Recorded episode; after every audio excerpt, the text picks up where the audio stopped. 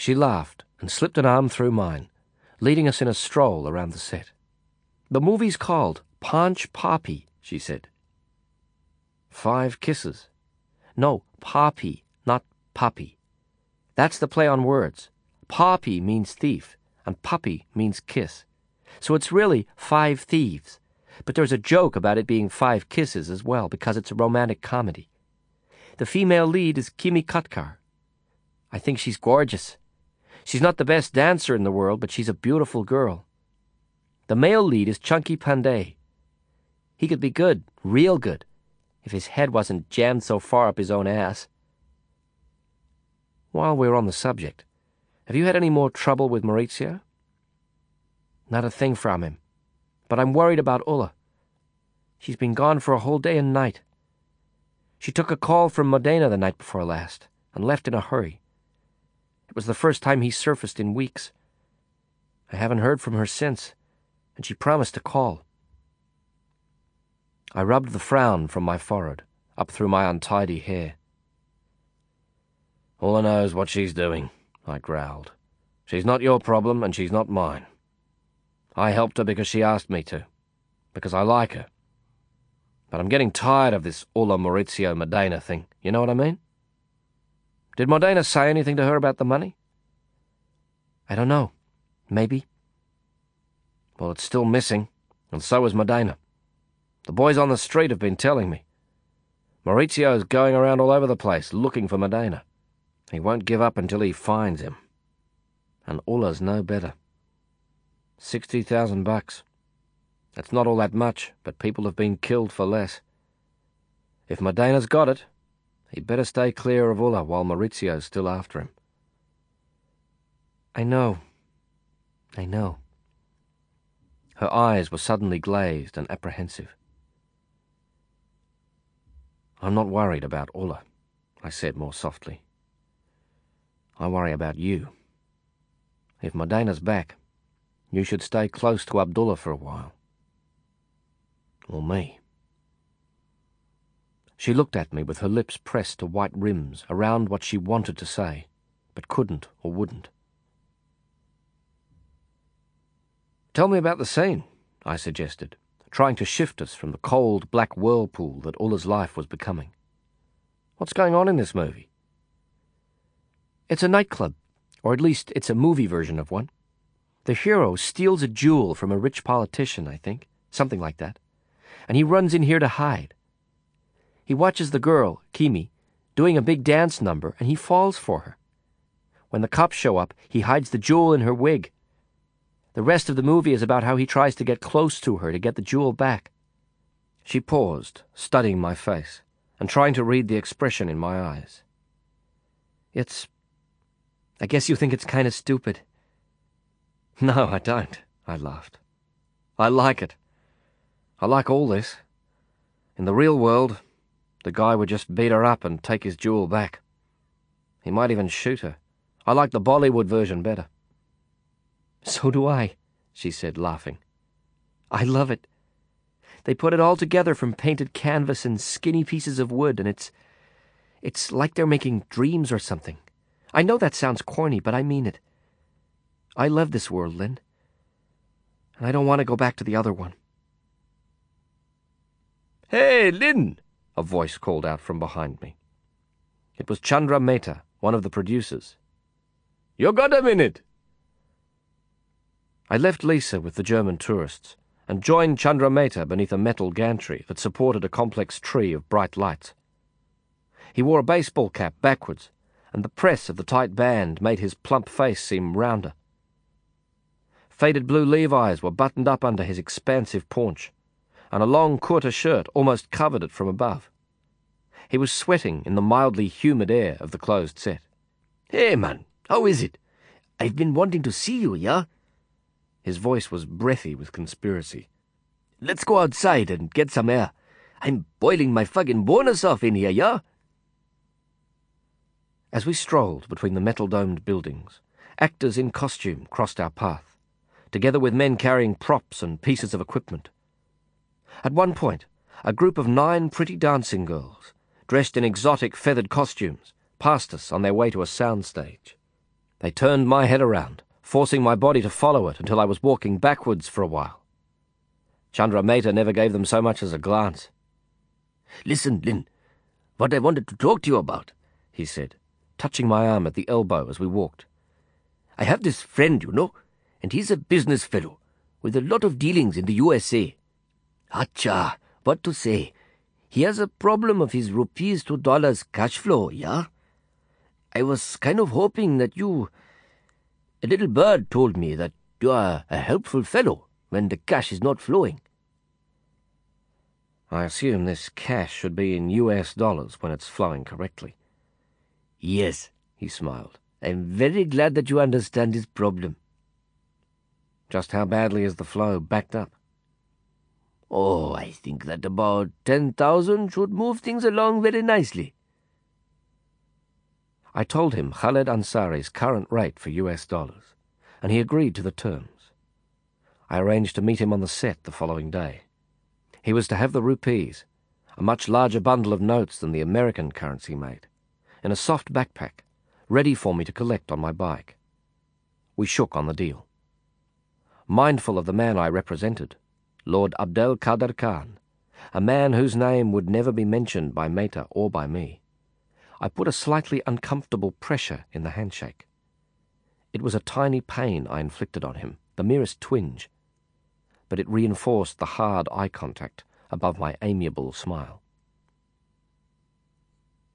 Don't start this if you're going to mess it up, Chandra, I warned, as the handshake pulsed from his pinched hand to his eyes. Nobody likes to get jerked around. My friends least of all. Oh, of course not, Baba, he joked, not quite smothering the blip of alarm that spiked in his eyes. No problem. Koi baat nahi. Don't worry. I'm very grateful that you can help me, my, what to say, help my friend with his problem, yeah? We strolled back to the soundstage, and I found Lisa with Mehta's fellow producer, Cliff D'Souza. Hey, man, you'll do, Cliff said in greeting, seizing me by the arm and dragging me toward the tables on the nightclub set. I looked at Lisa, but she just raised her hands in a gesture that said, You're on your own, buddy. What's going on, Cliff? We need another guy, yeah? We need a guy, Agora, sitting between these two lovely girls. Oh, no, you don't. I resisted him, trying to wrestle myself out of his grip without actually hurting him. We were at the table. The two German girls stood and reached out to drag me into the seat between them. I can't do this. I don't act. I'm camera shy. I don't do this. Na, komm schon. Hör auf, one of the girls said. You're the one who told us yesterday how easy it is to do this, na? They were attractive women. I'd selected their group precisely because they were all healthy and attractive men and women. Their smiles were challenging me to join them. I thought about what it would mean. Taking part in a movie that about 300 million people in 10 or more countries would see while I was on the run as my country's most wanted man. It was foolish. It was dangerous. Ah, oh, why the hell not? I shrugged. Cliff and the stagehands backed away as the cast members took their places on the set. The star, Chunky Pandey, was a handsome, athletic young Bombay guy. I'd seen him in a few of the movies I'd watched with my Indian friends, and I was surprised to discover that he was considerably more handsome and charismatic in person than he was on the screen. A makeup assistant held up a mirror while Chunky combed and fretted at his hair. The intensity of the gaze that he focused on the mirror was as steadfast as a surgeon's might be in the midst of a complex and critical procedure. You missed the best part, one of the German girls whispered to me. It took this guy a big time to learn his dancing moves for this scene. He crept it up quite a few many times. And every time he crept it up, this little guy with the spiegel, the mirror, he pops out and we watch him with the hair combing all again. If they just used all that stuff of him crapping it up and combing his hair while the little guy holds the mirror, I tell you, this would be a big comedy hit. The director of the film stood beside his cinematographer, poised with one eye to the lens of the camera and then gave his last instructions to the lighting crew. At a signal, the director's assistant called for all quiet on the set. the cinematographer announced that the film was rolling. Cue sound, the director commanded. And action! Music hammered into the set from large stadium speakers. It was the loudest that I'd ever heard Indian movie music played, and I loved it. The dancers, including the star, Kimi Katkar, pranced onto the artificial stage. Working the set and the crowd of extras, Kimi sashayed across the stage and made her way from table to table, dancing and miming her number all the while. The hero joined in the dance and then ducked under a table when the actors playing the cops arrived. The whole sequence lasted only five minutes in the film, but it took all the morning to rehearse and most of the afternoon to shoot. My first taste of show business resulted in two brief sweeps of the camera that captured my wide smile as Kimi paused in her seductive routine at the back of my chair. We sent the foreign tourists home in two cabs, and Lisa rode back to town with me on the bullet. It was a warm evening, and she removed her jacket to ride, pulling the clip from her long hair.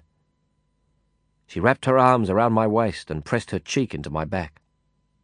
She was a good passenger, the kind who surrenders her will in unconditional trust and blends her body to the nuance of the rider. Through my thin white shirt, I felt the press of her breasts against my back. The shirt was open in the warm wind, and her hands clung to the tight skin of my waist. I never wore a helmet on the bike. There was a helmet clipped to the back of the seat for a passenger, but she chose not to wear it. Occasionally, when we stopped for the flow of traffic or to make a turn, a gust of wind whipped her long curly blonde hair over my shoulder and into my mouth. The perfume of verbena flowers lingered on my lips. Her thighs clung to me, gently, and with a promise or a threat of the strength they possessed. I remembered those thighs, the skin as soft as moonlight on the palm of my hand, that night at Karla's house. And then, as if she was reading my thoughts or joining them, she spoke when the bike stopped at a traffic signal. How's the kid? The kid? That little kid you had with you that night. You remember? At Karla's place? He's fine. I saw him last week at his uncle's. He's not so little anymore. He's growing fast. He's at a private school. He doesn't like it much, but he'll do okay. Do you miss him? The signal changed, and I kicked the bike into gear, twisting the throttle to send us into the intersection on the staccato throbbing of the engine's growl. I didn't answer her. Of course I missed him. He was a good kid. I missed my daughter. I missed my mother and all of my family. I missed my friends. I missed them all, and I was sure, in those desperate years, that I would never see them again. Missing the people I loved was a kind of grieving for me. And it was worse, much worse, for the fact that, so far as I knew, they weren't dead. My heart sometimes was a graveyard full of blank stones. And when I was alone in my apartment, night after night. That grieving and missing choked me. There was money in bundles on the dressing table, and there were passports, freshly forged, that could send me anywhere. But there was nowhere to go. Nowhere that wasn't emptied of meaning and identity and love by the vacuum of those who were missing and lost forever. I was the fugitive. I was the vanished one. I was the one who was missing, missing in action but inside the slipstream of my flight, they were the missing ones. Inside my exile, it was the whole world I once knew that was missing. The fugitive kind run, trying against their hearts to annihilate the past, and with it every telltale trace of what they were, where they came from, and those who once loved them. And they run into that extinction of themselves to survive. But they always fail we can deny the past, but we can't escape its torment, because the past is a speaking shadow that keeps pace with the truth of what we are, step for step, until we die. And from the pink and purple palette of the perished evening, A blue-black night rose up around us as we rode. We plunged with the sea wind into tunnels of light. The robe of sunset slipped from the shoulders of the city. Lisa's hands moved on my hard skin like the sea, like the surging, swarming caress of the sea. And for a moment, as we rode together, we were one. One desire, one promise dissolving into compromise, one mouth tasting the trickle of danger and delight. And something, it might have been love or fear, goaded me to the choice, putting whispers in the warming wind. This is as young and as free as you'll ever be. I better go. Don't you want a coffee or something? she asked, her hand on the key in the door to her apartment. I better go. Kavita's really into this story you gave her, about the girls from the slum, the girls who came back from the dead. It's all she talks about. The Blue Sisters, she calls them. I don't know why she calls them that, but it's a pretty cool name. She was making conversation, holding me there. I looked into the sky that was her eyes. I better go. Two hours later, fully awake, and still feeling the press of her lips in the goodnight kiss, I wasn't surprised when the phone rang. Can you come over right away? she said when I answered the call. I was silent, struggling to find a way to say no that sounded like yes. I've been trying to find Abdullah, but he doesn't answer, she went on. And then I heard the flattened, frightened, shell-shocked drone in her voice. What is it? What's happened? We had some trouble. There was some trouble. Was it Maurizio? Are you okay? He's dead, she mumbled. I killed him. Is anyone there? Anyone? she repeated vaguely. Is anyone else there in the apartment? No. I mean, yes, Ulla's here. And him on the floor. That's. Listen, I commanded. Lock the door. Don't let anyone in. The door's busted, she murmured, her voice weakening. He smashed the lock off the wall when he busted in here. Okay, push something up against the door, a chair or something. Keep it closed until I get there. Ulla's a mess. She. She's pretty upset. It'll be okay. Just block the door. Don't phone anyone else. Don't speak to anyone and don't let anyone in. Make two cups of coffee with lots of milk and sugar, four spoons of sugar, and sit down with Ulla to drink them. Give her a stiff drink as well if she needs it. I'm on my way. I'll be there in ten minutes. Hang in there and stay cool. Riding the night, cutting into crowded streets, winding the bike into the web of lights, I felt nothing. No fear, no dread, no shiver of excitement. Redlining a motorcycle means opening the throttle so hard, with every change of gears, that the needle on the rev counter is twisted all the way round to the red zone of maximum revolutions. And that's what we were doing. All of us. In our different ways. Karla, and Didier, and Abdullah, and I. We were redlining our lives and Lisa, and Maurizio, twisting the needle to the red zone. A Dutch mercenary in Kinshasa once told me that the only time he ever stopped hating himself was when the risk he faced became so great that he acted without thinking or feeling anything at all. I wished he hadn't said it to me because I knew exactly what he meant. And I rode that night I soared that night. And the stillness in my heart was almost like being at peace. Chapter 28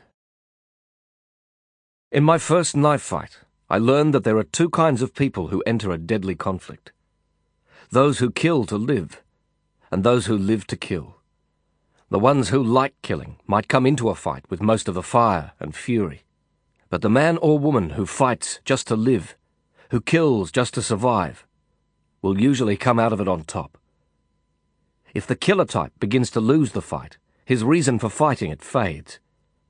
If the survivor type begins to lose, his reason for fighting it flares up fiercer than ever. And killing contests with deadly weapons, unlike common fistfights, are lost and won in the reasons that remain when the blood begins to run.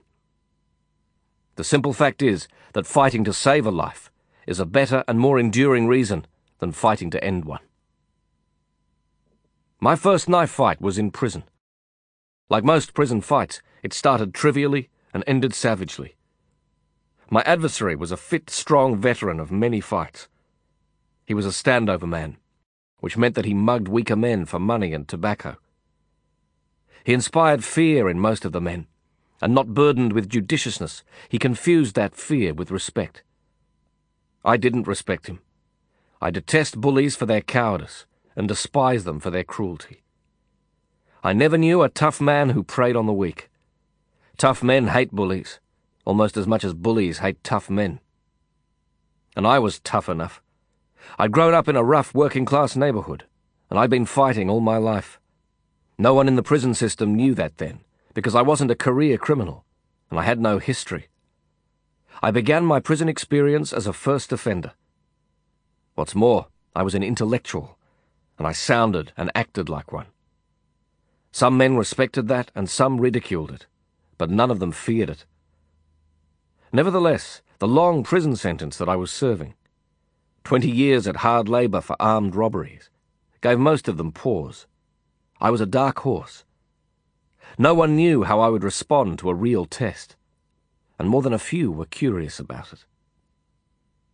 The test, when it did come, was flashing steel and broken teeth and eyes rolling wide and wild as a frenzied dog. He attacked me in the prison laundry, the one place not observed directly by guards patrolling catwalks between the gun towers. It was the kind of unprovoked surprise attack that's known in prison slang as a sneak go. He was armed with a steel table knife, sharpened with endlessly malignant patience on the stone floor of his cell. Its edge was sharp enough to shave a man or cut his throat. I'd never carried a knife or used one in my life before prison. But in there, where men were attacked and stabbed every other day, I'd followed the advice of the hard men who'd survived long years there. It's better to have a weapon and not need it, they'd told me more than once, than need it and not have it. My knife was a sharpened spike of metal, about as thick as a man's finger and a little longer than a hand. The hilt was formed with packing tape and fitted into my hand without bunching the fingers. When the fight began, he didn't know that I was armed. But we both, in our separate ways, expected that it was a fight to the death. He wanted to kill me, and I was sure that I had to kill him to survive. He made two mistakes. The first was to fight on the back foot.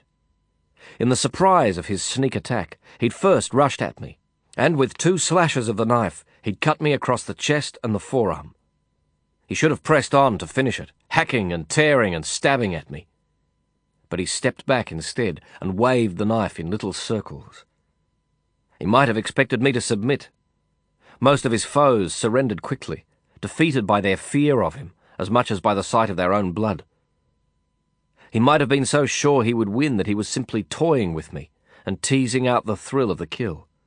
Whatever the reason, he lost the advantage, and he lost the fight in that first backward step.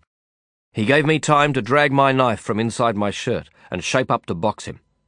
I saw the surprise in his eyes, and it was my cue to counterattack. His second mistake was that he held the knife as if it was a sword, and he was in a fencing match. A man uses an underhand grip when he expects his knife, like a gun, to do the fighting for him. But a knife isn't a gun, of course. And in a knife fight, it isn't the weapon that does the fighting, it's the man. The knife is just there to help him finish it.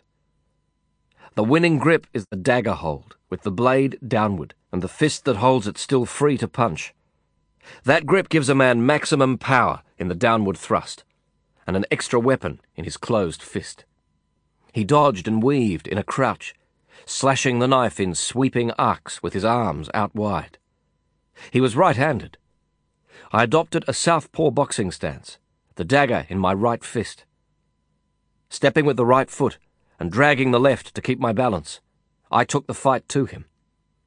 He ripped the blade at me twice and then lunged forward. I sidestepped and punched at him with a three-punch combination, right, left, right. One of them was a lucky punch. His nose broke, and his eyes watered and burned, blurring his vision. He lunged again and tried to bring the knife in from the side. I grabbed at his wrist with my left hand, stepped into the space between his legs, and stabbed him in the chest. I was trying for the heart or a lung. It didn't hit either one, but still I rammed the spike up to the hilt, into the meaty flesh beneath his collarbone. It broke the skin of his back just below the shoulder blade. He was jammed against a section of wall between a washing machine and a clothes dryer, using the spike to hold him in place, and with my left hand locked to his knife wrist. I tried to bite his face and neck, but he whipped his head from side to side so swiftly that I opted for headbutts instead. Our heads cracked together several times, until one desperate wrenching effort of his legs sent us sprawling onto the floor together. He dropped his knife in the fall, but the spike tore free from his chest. He began to drag himself toward the door of the laundry. I couldn't tell if he was trying to escape or seeking a new advantage. I didn't take a chance. My head was level with his legs. Thrashing together on the ground, I reached up and grabbed the belt of his trousers. Using it for leverage, I stabbed him in the thigh twice, and again and again. I struck bone more than once, feeling the jarring deflection all the way up my arm. Releasing his belt, I stretched my left hand out for his knife, trying to reach it so that I could stab him with that one as well. He didn't scream. I'll say that much for him. He shouted hard for me to stop, and he shouted that he gave up. I give up, I give up, I give up. But he didn't scream. I did stop, and I let him live. I scrambled to my feet. He tried again to crawl toward the door of the laundry. I stopped him with my foot on his neck and stomped down on the side of his head. I had to stop him.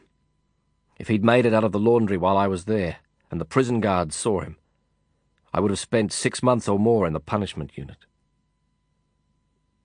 While he lay there, groaning on the floor, I took off my bloody clothes and changed into a clean set. One of the prisoners who cleaned the jail was standing outside the laundry, grinning in at us through the doorway with unspiteful enjoyment. I passed him the bundle of my soiled clothes. He smuggled the bloodied clothes away in his mop bucket and threw them into the incinerator behind the kitchen. On my way out of the laundry, I handed the weapons to another man, who buried them in the prison garden.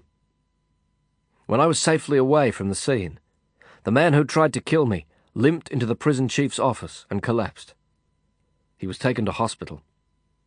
I never saw him again, and he never opened his mouth. I'll say that much for him, too. He was a thug and a standover man, and he tried to kill me for no good reason. But he wasn't an informer.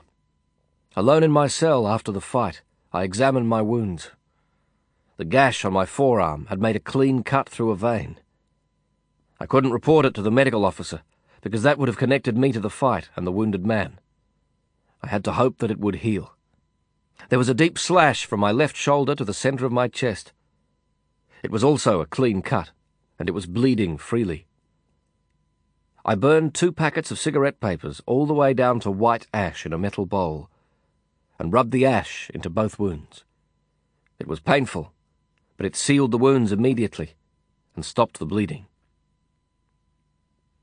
I never spoke of the fight to anyone, but most of the men knew about it soon enough, and they all knew that I'd survived the test. The white scar on my chest, the scar that men saw every day in the prison shower, reminded them of my willingness to fight. It was a warning, like the bright bands of colour on the skin of a sea snake. It's still there, that scar, as long and white after all these years as it ever was and it's still a kind of warning. I touch it, and I see the killer pleading for his life.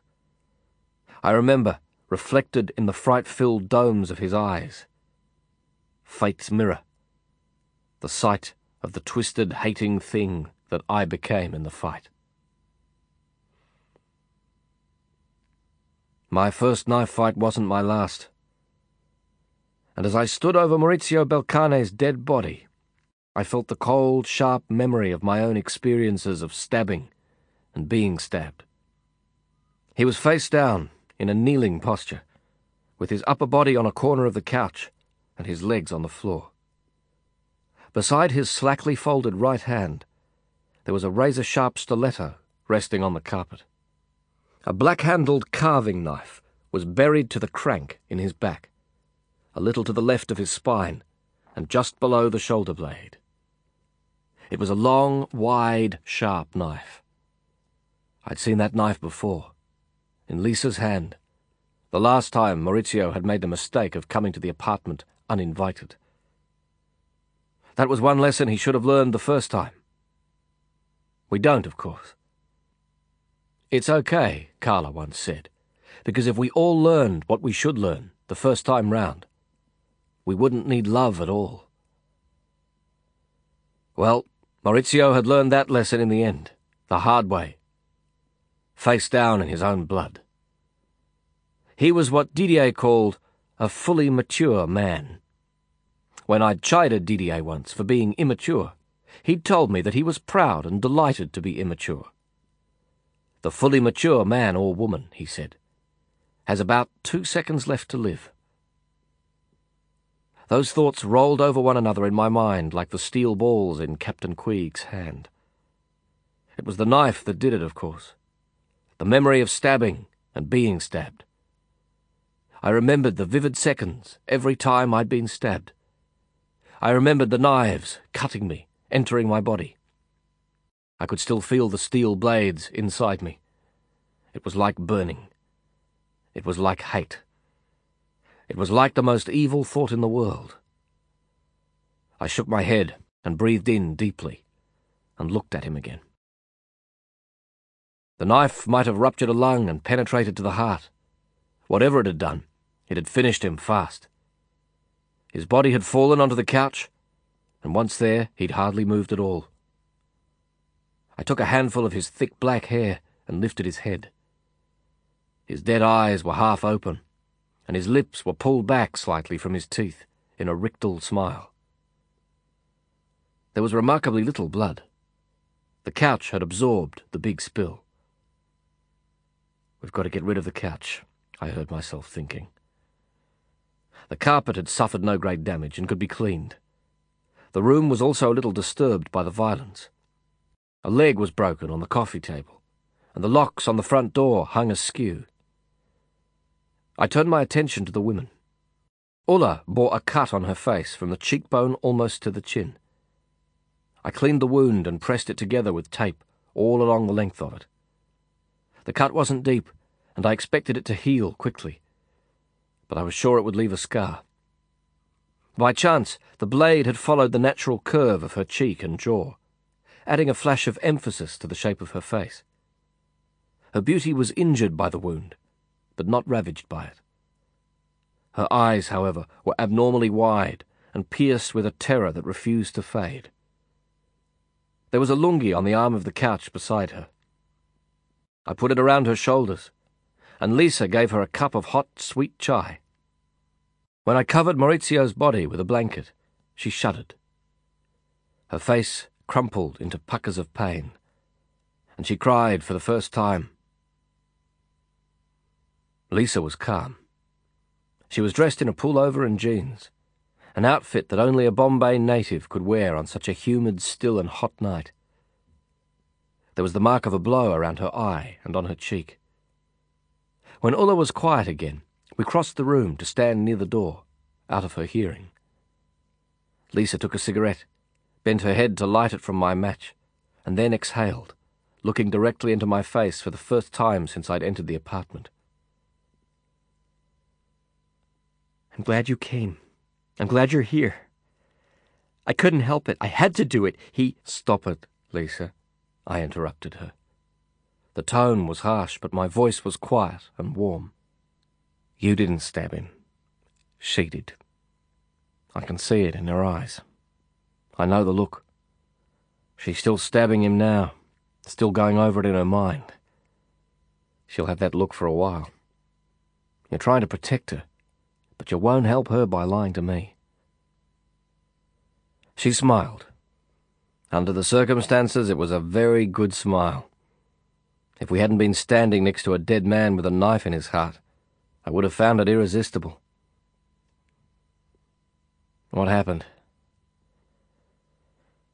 I don't want her to get hurt, that's all, she replied evenly. The smile closed up in the thin, grim line of her pursed lips. Neither do I. What happened? He busted in, slashed her up. He was crazy, out of his mind. I think he was on something. He was screaming at her, and she couldn't answer him. She was even crazier than he was. I spent an hour with her before he crashed in here. She told me about Modena. I'm not surprised she was crazy. It's. Fuck, Lin, it's a bad story. She was out of her mind because of it. Anyway, he crashed through the door like a gorilla, and he slashed her. He was covered in blood. Modena's, I think. Was pretty fucking scary. I tried to jump him with the knife from the kitchen. He socked me pretty good in the eye and knocked me on my ass. I fell on the couch. He got on top of me and he was just about to start on me with that switchblade of his when Ulla gave it to him in the back. He was dead in a second. I swear, a second. One second, just like that. He was looking at me, then he was dead. She saved my life, Lin. I think it's more likely that you saved hers, Lisa. If you weren't here, it would be her hugging the couch with a knife in her back. She began to tremble and shiver. I took her in my arms and held her for a while, supporting her weight. When she was calm again, I brought her a kitchen chair, and she sat down shakily. I phoned around and found Abdullah. Explaining what had happened in as few words as possible, I told him to contact Hassan Obikwa in the African ghetto and bring him to the apartment with a car. Little by little, as we waited for Abdullah and Hassan, the story emerged. Ulla was suddenly tired, but I couldn't let her sleep. Not yet. After a while, she began to speak, adding a detail here and there to Lisa's account, and then gradually telling the whole story herself. Maurizio Belcane met Sebastian Modena in Bombay, where both of them made money from the work they arranged for foreign prostitutes.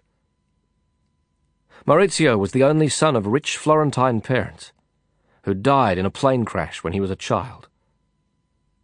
By his own account, repeated to Ulla whenever he was drunk, he was raised with indifferent duteousness by distant relatives who tolerated him reluctantly in the loveless shelter of their home. At eighteen, he seized the first tranche of his inheritance and fled to Cairo. By the age of 25, he'd squandered the fortune left to him by his parents. The remnants of his family cast him out, no less for his penury than for the many scandals that had pursued his profligate progress through the Middle East and Asia. At 27, he found himself in Bombay, brokering sex for European prostitutes. The point man for Maurizio's operation in Bombay was the diffident Dua Spaniard, Sebastian Modena. The 30 year old sought out and approached wealthy Arab and Indian customers.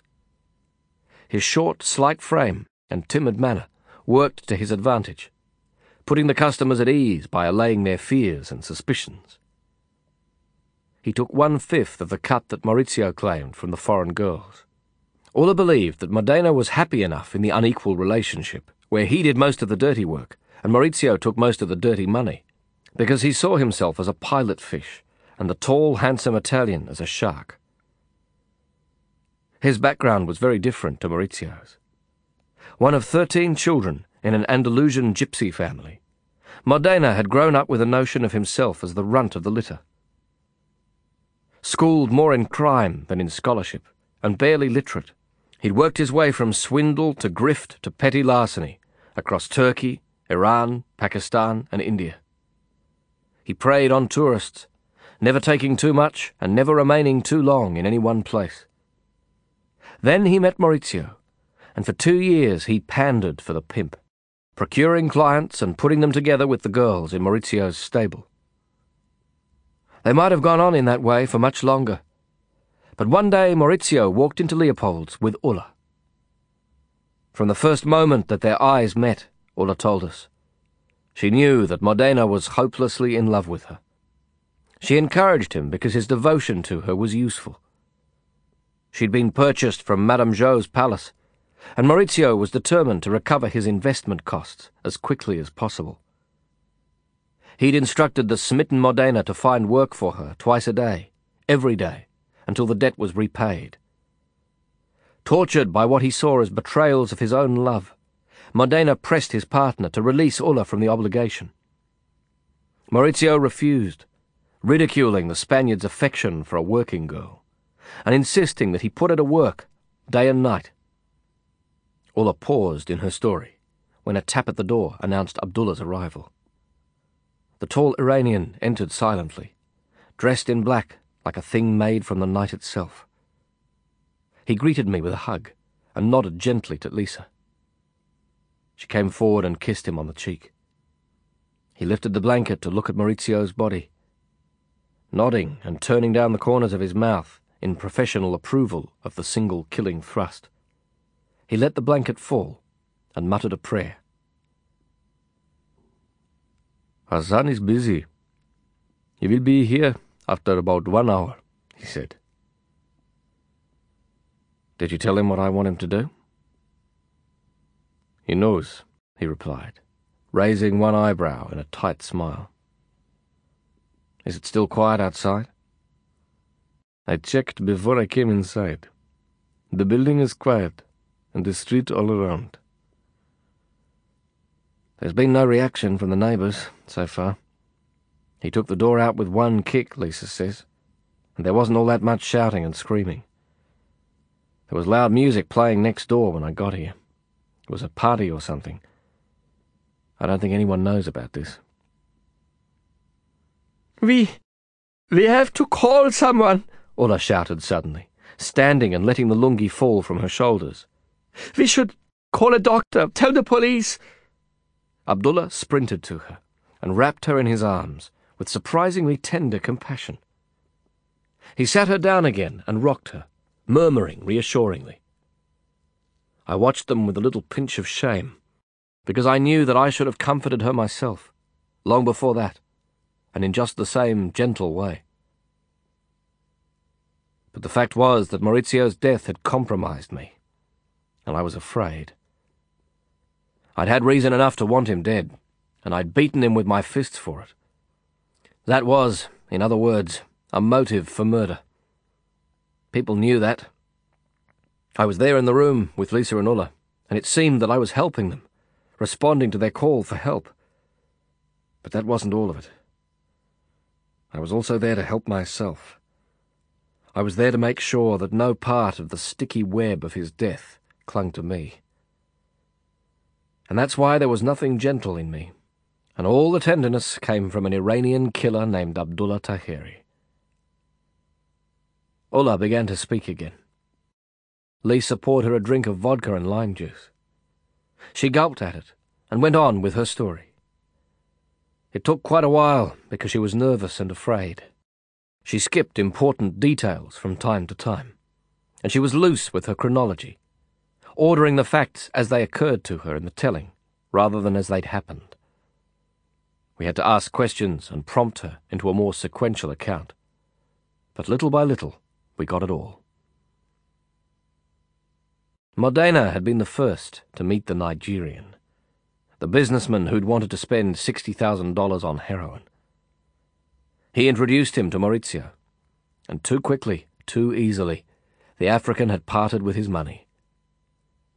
Maurizio stole the money and planned to move on, but Modena had other ideas. He seized his chance to free Ulla and rid himself of Maurizio, the man he resented for enslaving her. He snatched the money from him and went into hiding, prompting the Nigerian to send his hit squad to Bombay. To distract the understandably bloodthirsty Africans while he searched for Modena, Maurizio had given them my name and told them I'd stolen their money. Abdullah and I knew the next part of that story well enough.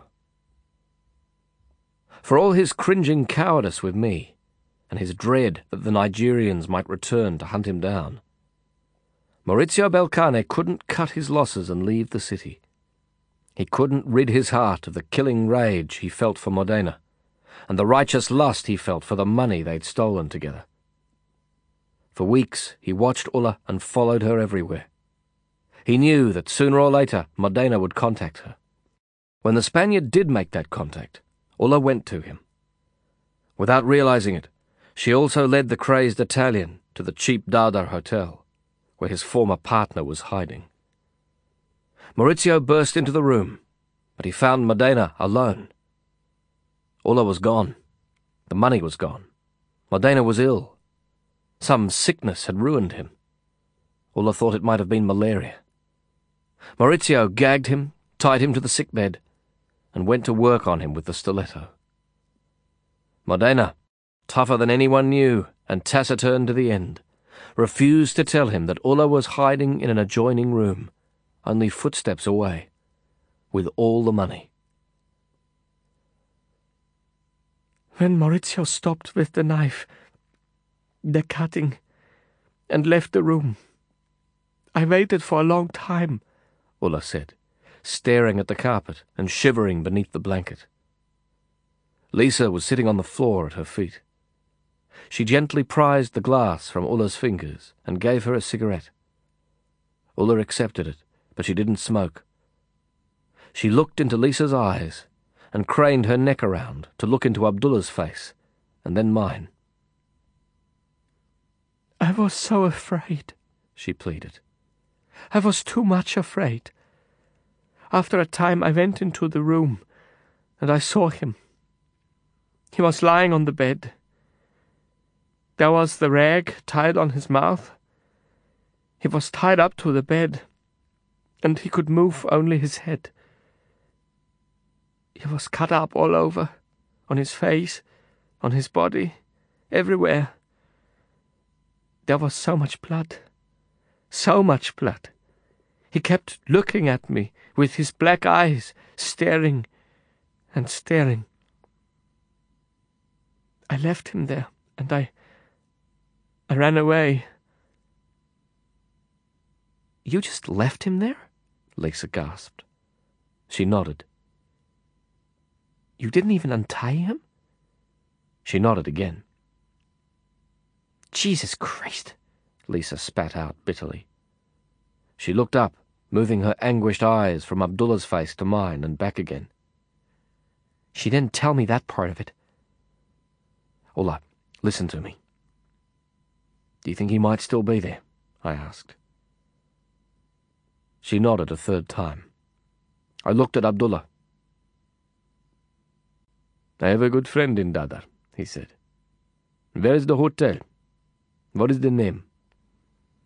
I don't know, she mumbled. It's next to a market, at the back, where they throw the rubbish away. The smell is very bad. No, wait, I remember. I said the name in the taxi. It is called Kabir's. That's it. That's the name. Oh God, when I left him, I just thought. I was sure they would find him and. and make him free. Do you think he might be on that bed until now? Do you think? Abdullah phoned his friend and arranged to have someone check the hotel. Where's the money? I demanded. She hesitated. The money, Ulla. Give it to me. She stood up shakily, supported by Lisa, and walked into the bedroom she'd used. Moments later she returned with a travel flight bag. She handed it to me, her expression strangely contradictory. Coquette and adversary in equal parts. I opened the bag and took out several bundles of American hundred dollar bills. I counted out $20,000 and pushed the rest into the bag. I returned the bag to her. Ten thousand is for Hassan, I declared. Five thousand is to get you a new passport and a ticket to Germany. Five thousand is to clean up here and set Lisa up in a new apartment on the other side of town. The rest is yours. And Modena's, if he makes it. She wanted to reply, but a soft tap at the door announced Hassan's arrival. The stocky, thickly muscled Nigerian entered and greeted Abdullah and me warmly. Like the rest of us, he was acclimatized to Bombay's heat, and he wore a heavy serge jacket and bottle green jeans with no trace of discomfort. He pulled the blanket from Maurizio's body and pinched the skin, flexed the dead arm, and sniffed at the corpse.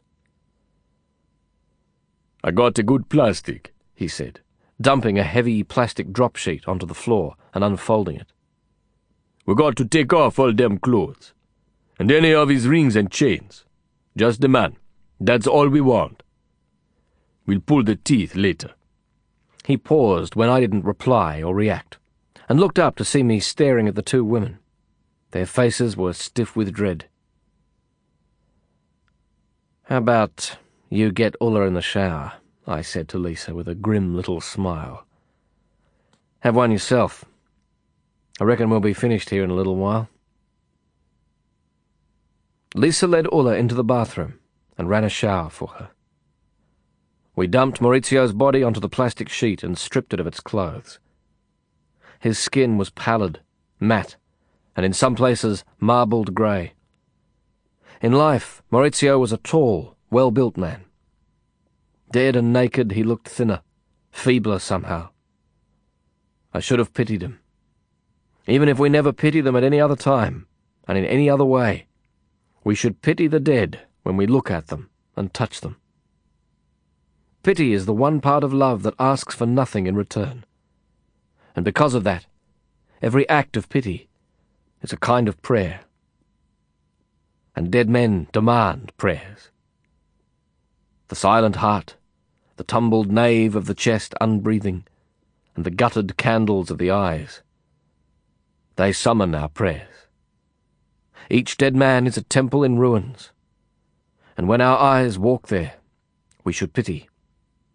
We should pray. But I didn't pity him. You got what you deserve, I thought, as we rolled his body in the plastic sheet. I felt despicable and mean-souled for thinking it. But the words wormed their way through my brain, like a murderous whisper working its way through an angry mob. You got what you deserve. Hassan had brought a laundry-style trolley basket with him. We wheeled it into the room from the corridor. Maurizio's body was beginning to stiffen up, and we were forced to crunch the legs to fit it into the basket. We wheeled and carried it down two flights of stairs, unobserved, and out into the quiet street, where Hassan's delivery van was parked. His men used the van every day to deliver fish, bread, fruit, vegetables, and kerosene to his shops in the African ghetto. We lifted the wheeled basket into the back of the van and covered the plastic-wrapped body with loaves of bread, baskets of vegetables, and trays of fish.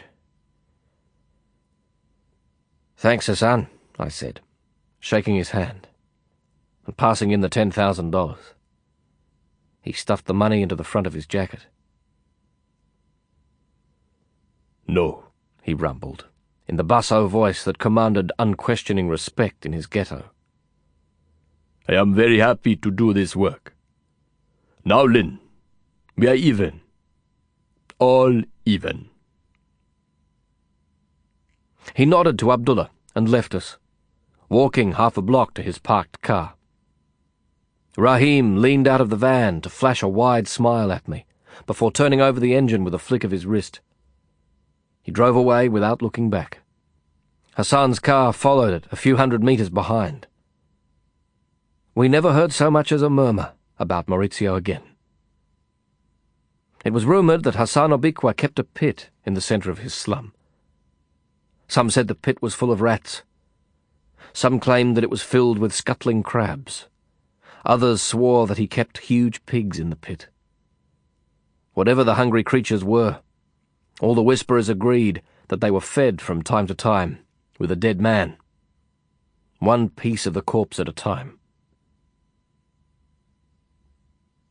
Money you did spend well, Abdullah muttered, with a blank expression, as we watched the van drive away. We returned to the apartment and repaired the door locks so the door could be sealed shut when we all left. Abdullah phoned another contact and arranged for two reliable men to visit the apartment on the following day. Their instructions were to bring a saw, cut the couch into pieces, and remove it in rubbish sacks. They were to clean the carpet and leave the apartment in an orderly state, removing every trace of its recent occupant. He put the phone down and it rang at once. His contact in Dadar had news. Modena had been discovered by staff in the hotel room and rushed to hospital. The contact had visited the hospital and learned that the weak and wounded man had checked himself out of the ward. He was last seen speeding away in a taxi. The doctor who'd attended him doubted that he would survive the night. It's weird, I said, when Abdullah had related the news. I knew Modena, you know. I sort of knew him well. I saw him at Leopold's, I don't know, a hundred times. But I can't remember his voice. I can't remember what he sounded like. I can't hear his voice in my head, if you know what I mean. I liked him, Abdullah said. I'm surprised to hear you say that. Why?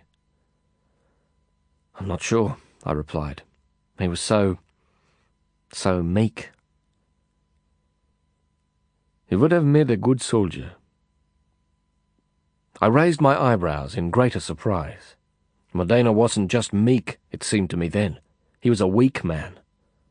I couldn't imagine what Abdullah meant. I didn't know then that good soldiers are defined by what they can endure, not by what they can inflict. And when all the loose ends were cut or tied, when Ulla left the city for Germany, and Lisa moved to a new apartment, and the last questions about Modena and Maurizio and Ulla faltered, faded, and ceased. It was the mysteriously vanished Spaniard who claimed my thoughts most often. I made two double shuffle flights to Delhi and back in the next two weeks. I followed that by flying a 72 hour turnaround to Kinshasa with ten new passports for Abdul Ghani's network. I tried to keep busy, tried to focus on the work. But the screen in my mind was filled too often with an image of him, Modena, tied to the bed and staring at Ulla, watching her leave him there, watching her walk away with the money, and gagged, no way to scream and what he must have thought when she entered the room. I'm saved. And what he must have thought when he saw the terror in her face. And was there something else in her eyes? Was it revulsion? Or was it more terrible than that? Did she look relieved, perhaps? Did she seem glad to be rid of him? And what did he feel when she turned and walked away? and left him there, and closed the door behind her. When I was in prison, I fell in love with a woman who was an actress in a popular television program. She came into the prison to teach classes in acting and theatre for our prison drama group. We clicked, as they say. She was a brilliant actress, I was a writer. She was the physical voice and gesture I saw my words breathe and move in her.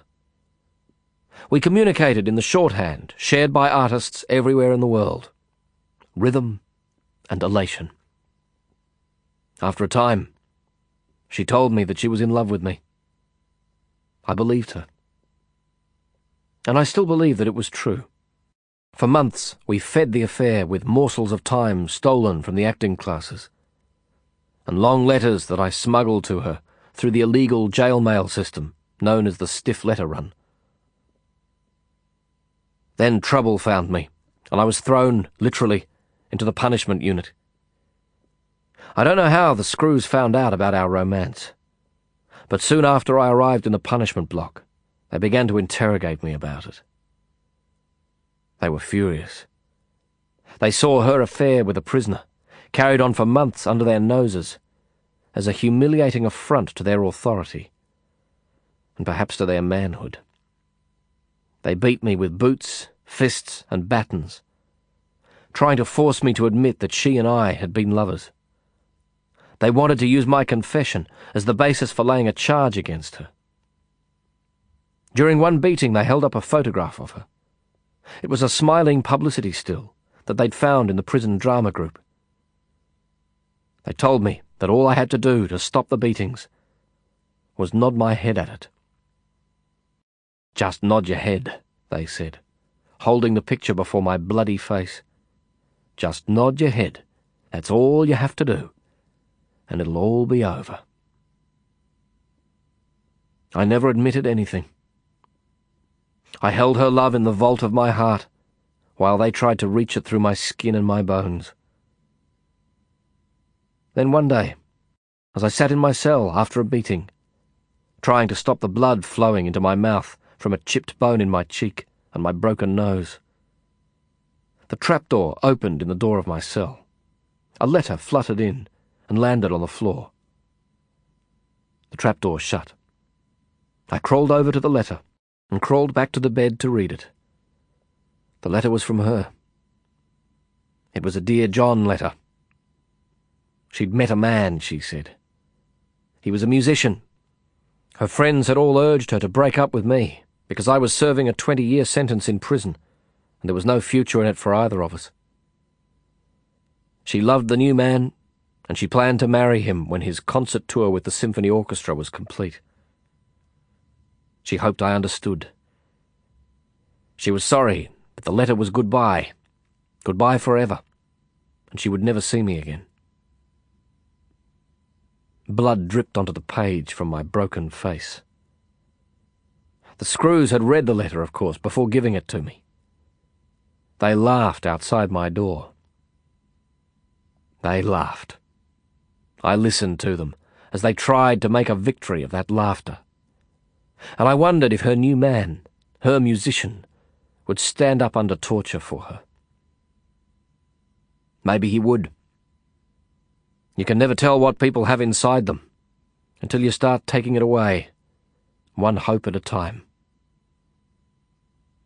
And somehow, in the weeks after Maurizio's death, Modena's face, or my mind's picture of his gagged and bloody and staring face, became confused with my own memories of that love I'd lost in prison. I wasn't sure why. There didn't seem to be any special reason why Modena's fate would twist itself into the strands of my own. But it did, and I felt a darkness growing within me that was too numb for sorrow, and too cold for rage. I tried to fight it. I kept myself as busy as I could. I worked in two more Bollywood films, taking small parts, as an extra at a party and in a street scene. I met with Kavita, urging her once again to visit Anand in prison.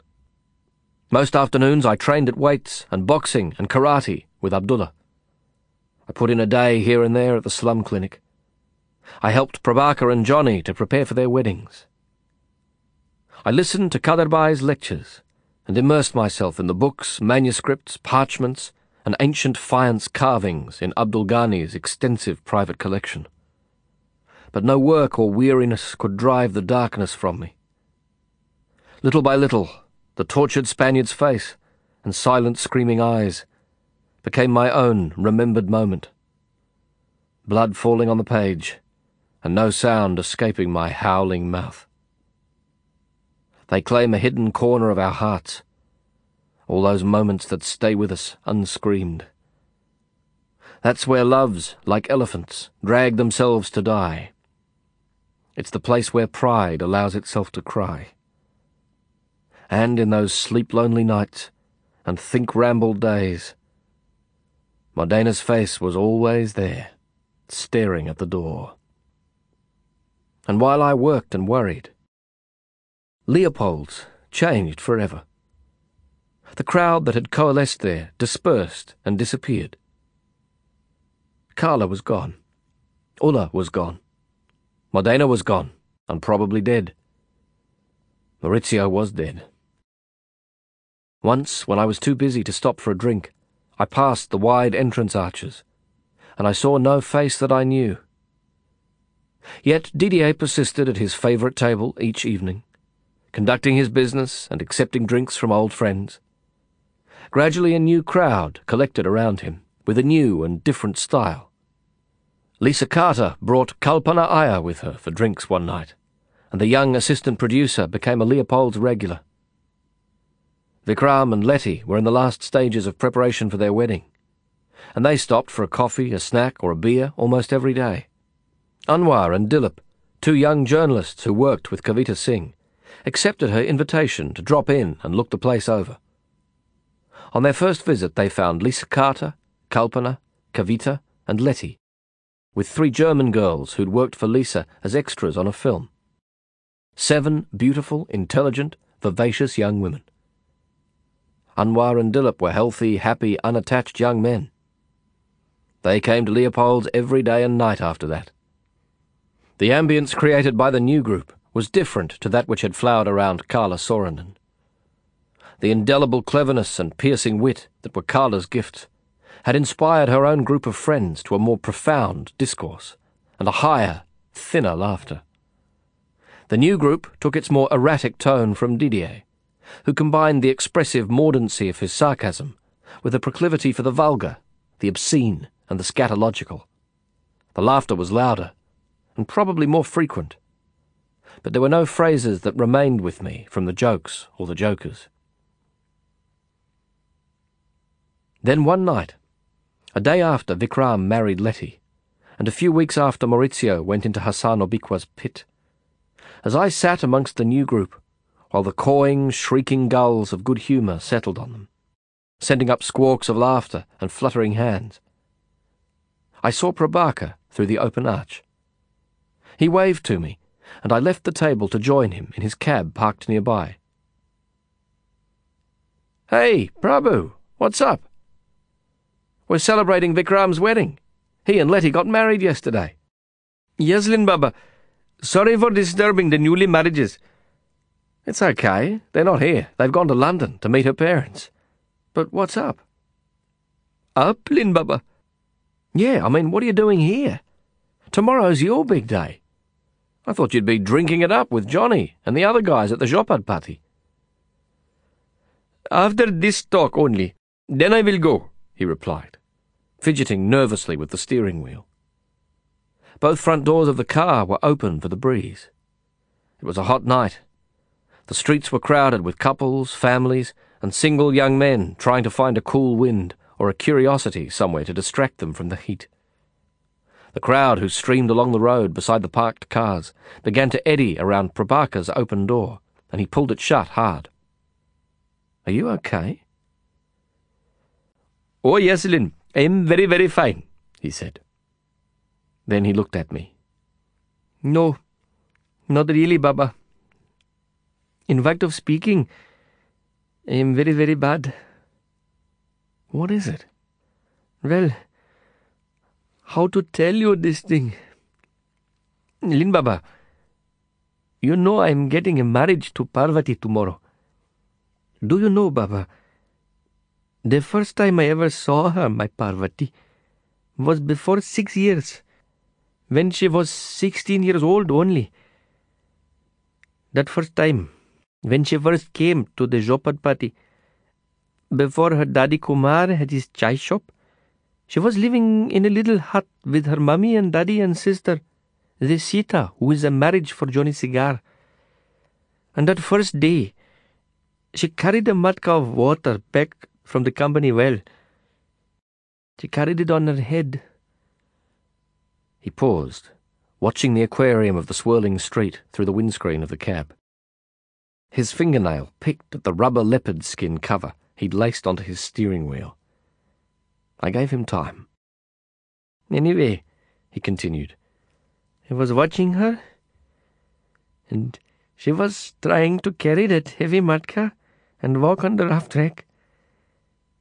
And that matka, it must have been a very old one, and the clay was weak because suddenly it just broke up in pieces, and all the water spilled down on her. She cried and cried so much. I looked at her, and I felt. He paused, looking up at the strolling street once more. Sorry for her? I offered. No, Baba. I felt. Sad. You felt sad for her? No, Baba. I felt an erection in my pants, you know? When the penis is getting all hard, like you're thinking. For God's sake, Prabhu, I know what an erection is, I grumbled. Get on with it. What happened? Nothing happened, he replied, puzzled by my irritation and somewhat chastened. But from that time only, I never forgot my big, big feeling for her. Now I am making a marriage, and that big, big feeling is getting bigger every day. I'm not sure that I like where this is going, Prabhu, I muttered. I am asking you, Lin, he said, choking on the words. He faced me. Tears bulged and rolled from his eyes into his lap. His voice came in stuttering sobs. She is too beautiful. I am a very short and small man. Do you think I can make a good and sexy husband? I told Prabaker, sitting in his cab and watching him cry, that love makes men big and hate makes them small. I told him that my little friend was one of the biggest men I ever met because there wasn't any hate in him. I said that the better I knew him, the bigger he got, and I tried to tell him how rare that was and I joked with him and laughed with him until that great smile, as big as a child's biggest wish, returned to his gentle round face. He drove away toward the bachelor party that was waiting for him in the slum, and sounded the horn triumphantly until he was out of sight. The night that walked me, long after he left, was lonelier than most. I didn't go back to Leopold. I walked instead along the causeway past my apartment, and on to Prabaker's slum at Cuff Parade. I found the place where Tariq and I fought the vicious pack on the night of the wild dogs. There was still a small pile of scrap timber and stones on the spot. I sat there, smoking in the darkness, and watching the slow elegance of the slum dwellers drifting back along the dusty track to the huddle of huts. I smiled. Thinking of Prabaker's mighty smile always made me smile reflexively, as if I was looking at a happy, healthy baby. Then a vision of Modena's face flowed from the flickering lanterns and vaporous wreaths of smoke, and faded again to nothing before it was fully formed. Music started up inside the slum. A strolling group of young men quickened their pace to jog toward the stirring sound. Prabaker's bachelor party had begun. He'd invited me, but I couldn't bring myself to go. I sat near enough to hear the happiness, but far enough away not to feel it. For years I'd told myself that love had made me strong when the prison guards tried to force me to betray the actress and our affair. Somehow, Modena had haunted the truth from me. It wasn't love for her that had kept me silent. And it wasn't a brave heart. It was stubbornness that had given me the strength to bite down. Stiff-necked, bull-headed stubbornness. There was nothing noble in it.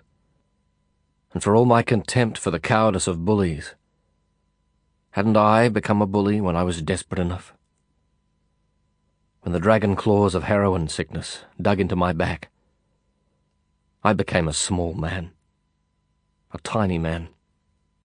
I became so small that I had to use a gun. I had to point a gun at people. Many of them women. To get money. To get money. How was I different in that? To Maurizio bullying women to get money. And if they'd shot me during one of those hold-ups, if the cops had gunned me down as I'd wanted and expected at the time, my death would have aroused and deserved as little pity as that of the crazed Italian. I stood up and stretched, looking around me, and thinking of the dogs and the fight and the bravery of the little boy, Tariq. When I started back toward the city, I heard a sudden eruption of happy laughter from many voices at Prabaker's party, followed by a cloudburst rattle of applause. And the music dwindled with the distance, until it was as faint and diminishable as any moment of truth. Walking through the night, alone with the city for hours, I loved her with my wandering, just as I'd done when I lived in the slum. Near dawn, I bought a newspaper, found a cafe, and ate a big breakfast, lingering over a second and then a third pot of chai. There was an article on page three of the paper describing the miraculous gifts of the Blue Sisters, as Rashid's widow and her sister had become known. It was a syndicated article, written by Kavita Singh, and published across the country. In it, she gave a brief history of their story, and then related several first-hand accounts of miraculous cures that had been attributed to the mystical powers the girls exercised. One woman claimed to have been cured of tuberculosis. Another insisted that her hearing had been fully restored. And an elderly man declared that his withered lungs were strong and healthy again, after he merely touched a hem of their sky-blue garments. Kavita explained that the name Blue Sisters wasn't their choice.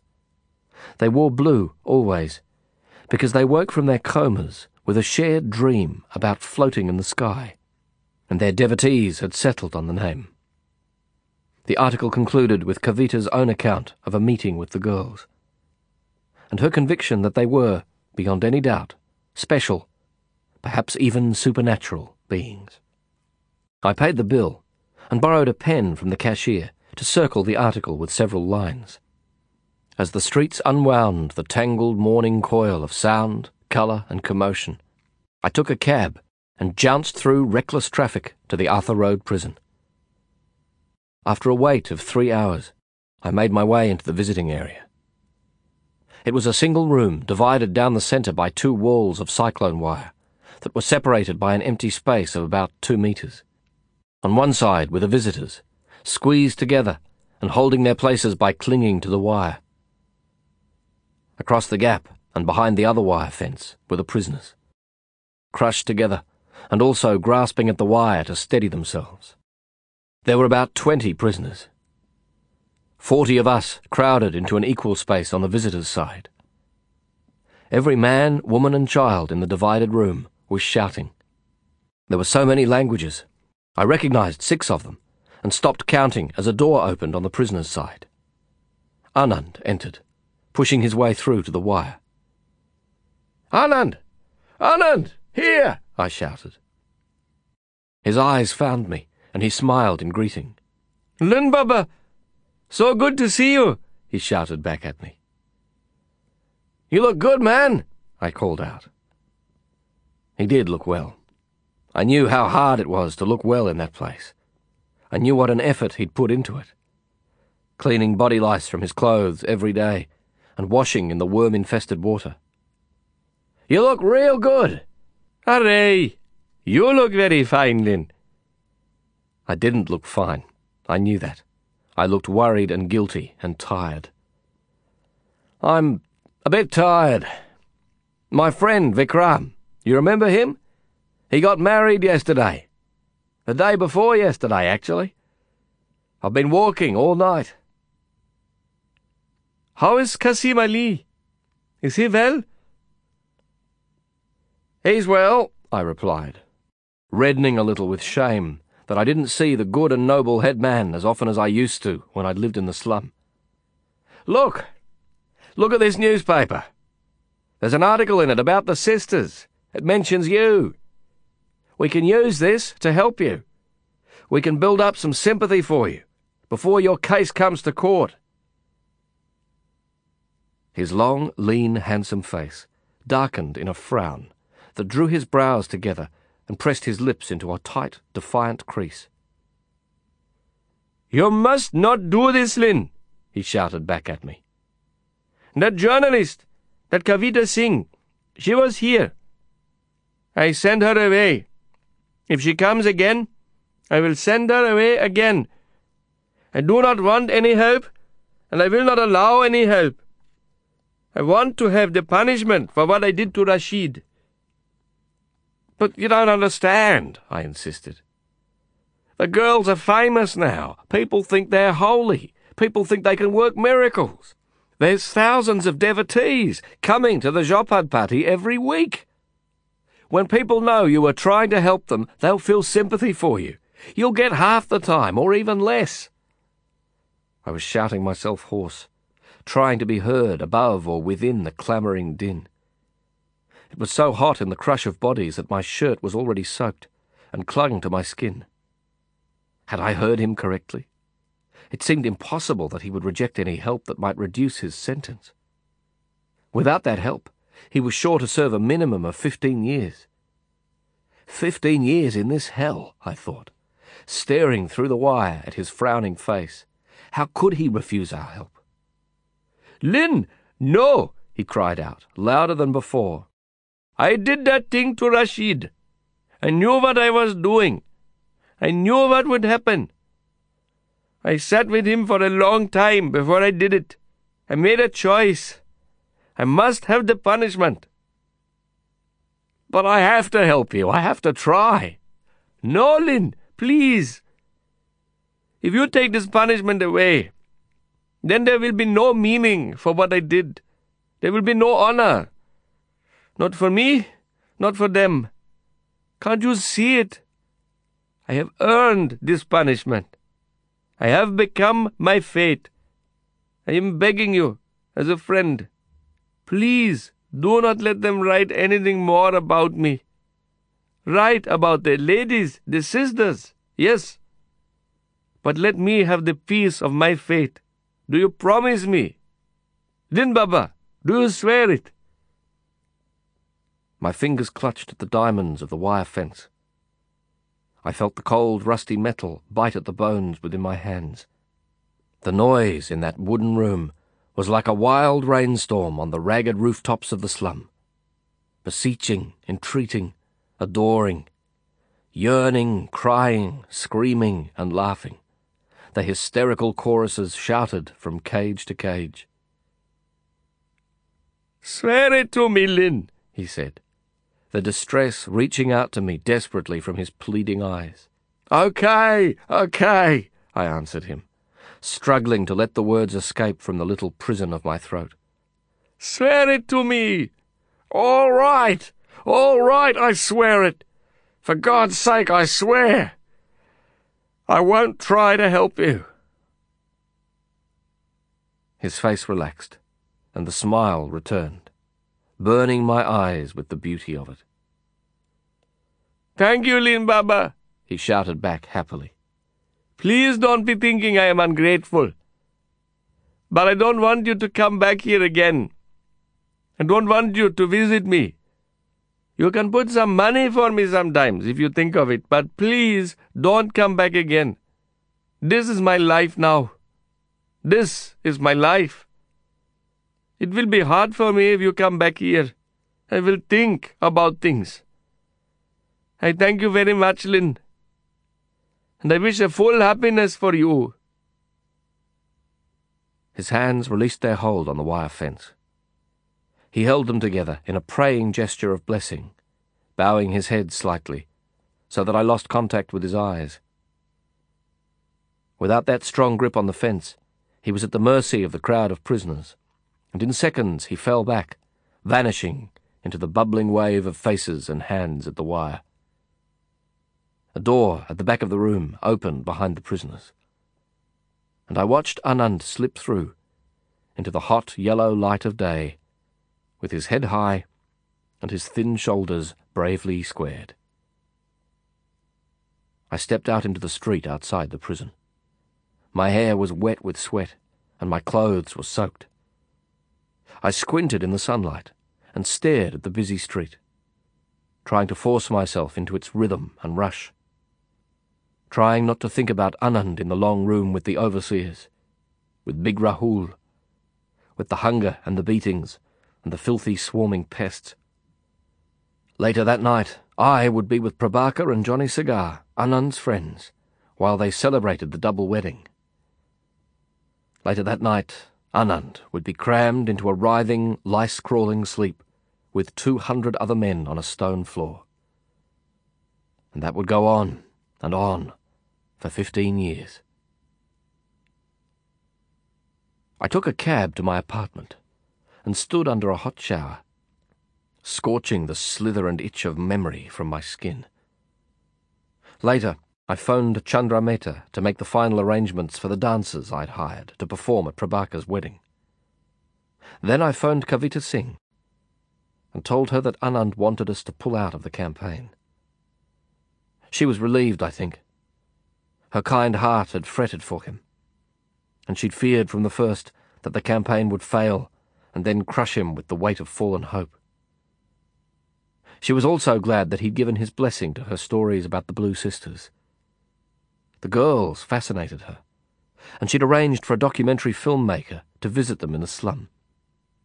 She wanted to talk about the project, and I heard the sparkling enthusiasm in her voice, but I cut her off, promising to call again. I went out to my little balcony and let the sound and the smell of the city settle on the skin of my bare chest. In a courtyard below, I saw three young men rehearsing the moves and steps of a dance routine they'd copied from a Bollywood film. They laughed helplessly when they messed up the moves of the party piece, and then gave a cheer when they finally danced through one whole routine without error. In another yard, some women were squatting together, washing dishes with small anemones of coir rope and a long bar of coral-coloured soap. Their conversation came to me in laughing gasps and shrieks, as they scandalized one another with gossip and sardonic commentaries on the peculiar habits of their neighbors' husbands. Then I looked up to see an elderly man sitting in a window opposite me. My eyes met his, and I smiled. He'd been watching me, as I had watched the others below. He wagged his head from side to side, and smiled back at me with a happy grin. And it was all right. I dressed and went down to the street. I made the rounds of the black market currency collection centres and checked in at Abdul Ghani's passport factory and inspected the gold smuggling ring I'd restructured in Khader's name. In three hours, I committed thirty crimes or more. And I smiled when people smiled at me. When it was necessary, I gave men enough bad head, as gangsters call it, to make them draw back and lower their eyes in fear. I walked the Gunda walk, and in three languages I talked the talk. I looked good. I did my job. I made money, and I was still free. But in the black room, deep in my mind, another image added itself to the secret gallery. An image of Anand, holding the palms of his hands together as his radiant smile became a blessing and a prayer. Everything you ever sense, in touch or taste or sight or even thought, has an effect on you that's greater than zero. Some things, like the background sound of a bird chirping as it passes your house in the evening, or a flower glimpsed out of the corner of an eye, have such an infinitesimally small effect that you can't detect them. Some things, like triumph and heartbreak, and some images like the image of yourself reflected in the eyes of a man you've just stabbed, attach themselves to the secret gallery, and they change your life forever. That last image of Anand, the last time I ever saw him, had that effect on me. It wasn't compassion for him that I felt so deeply, although I did pity him as only a chained man could. It wasn't shame, although I was truly ashamed that I hadn't listened when he'd first tried to tell me about Rashid. It was something else. Something so strange that it took me years to fully comprehend. It was envy that nailed the image to my mind. I envied Anand as he turned and walked with his back straight and his head high into the long suffering years. I envied his peace and his courage and his perfect understanding of himself. Khaderbhai once said that if we envy someone for all the right reasons, we're halfway to wisdom. I hope he wasn't right about that. I hope good envy takes you further than that because a lifetime has passed since that day at the wire. And I still envy Anand's calm communion with fate. And I long for it with all my flawed and striving heart. Chapter 29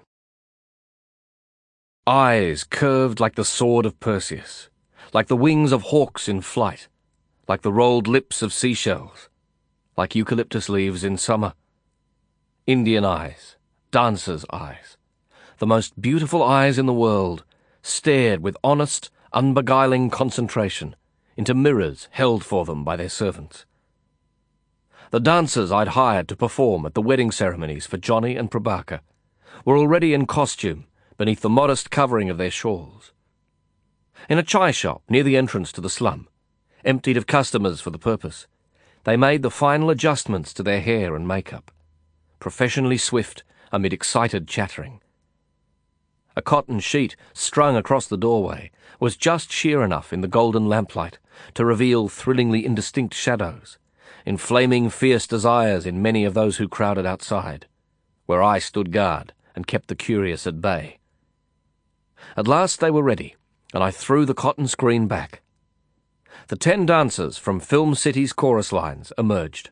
They wore traditional tight choli blouses and wraparound saris.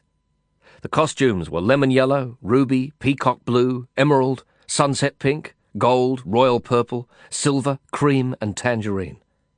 Their jewels, hair clusters, plait tassels, earrings, nose rings, necklaces, midriff chains, bangles, and anklets, struck such sparks of light from lanterns and electric bulbs that people blinked and flinched to look at them. Every heavy anklet carried hundreds of tiny bells. And as the dancers began their slow, swaying walk through the hushed and adoring slum, the sizzling clash of those silver bells was the only sound that marked their steps. Then they began to sing. Aja Sajan, Aja, Aja Sajan, Aja. Come to me, my lover, come to me. Come to me, my lover, come to me. The crowds that preceded and surrounded them roared their approval. A platoon of small boys scrambled along the rough path ahead of the girls, removing stones or twigs, and sweeping the way clear with palm leaf brooms. Other young men walked beside the dancers, cooling them with large pear shaped fans of fine woven cane. Further ahead along the path, the band of musicians I'd hired with the dancers approached the wedding stage silently in their red and white uniforms. Prabaker and Parvati sat to one side, and Johnny Cigar sat with Sita on the other side. Prabaker's parents, Kishan and Rukmabai, had travelled from Sunder for the event. They planned to spend a full month in the city, staying in a slum hut beside Prabaker's own. They sat at the front of the stage with Kumar and Nandita Patak. A huge painting of a lotus flower filled the space behind them and coloured lights formed glowing vines overhead. When the dancers slowly entered the space, singing love, they stopped as one and stamped their feet. They twirled in place, turning clockwise in perfect unison. Their arms moved with the grace of a swan's neck. Their hands and fingers rolled and swirled like silk scarves sailing the wind.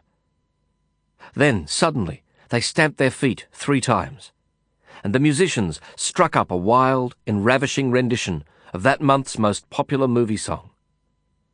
and with the cheering in every throat around them, the girls danced into a million dreams. Not a few of those dreams were my own. I'd hired the girls and the musicians, not knowing what kind of show they'd planned to put on for Prabaker's wedding. Chandra Mehta had recommended them to me, and he'd assured me that they always devised their own program. That first black market money deal Mehta had asked me to transact, the 10,000 American dollars he'd wanted, had borne black fruit. Through him, I'd met others in the film world who wanted gold, dollars, and documents. In the previous few months, my visits to the film studios had grown more frequent, and the profit for Khaderbhai accumulated steadily. There was a certain reciprocal cachet in the connection.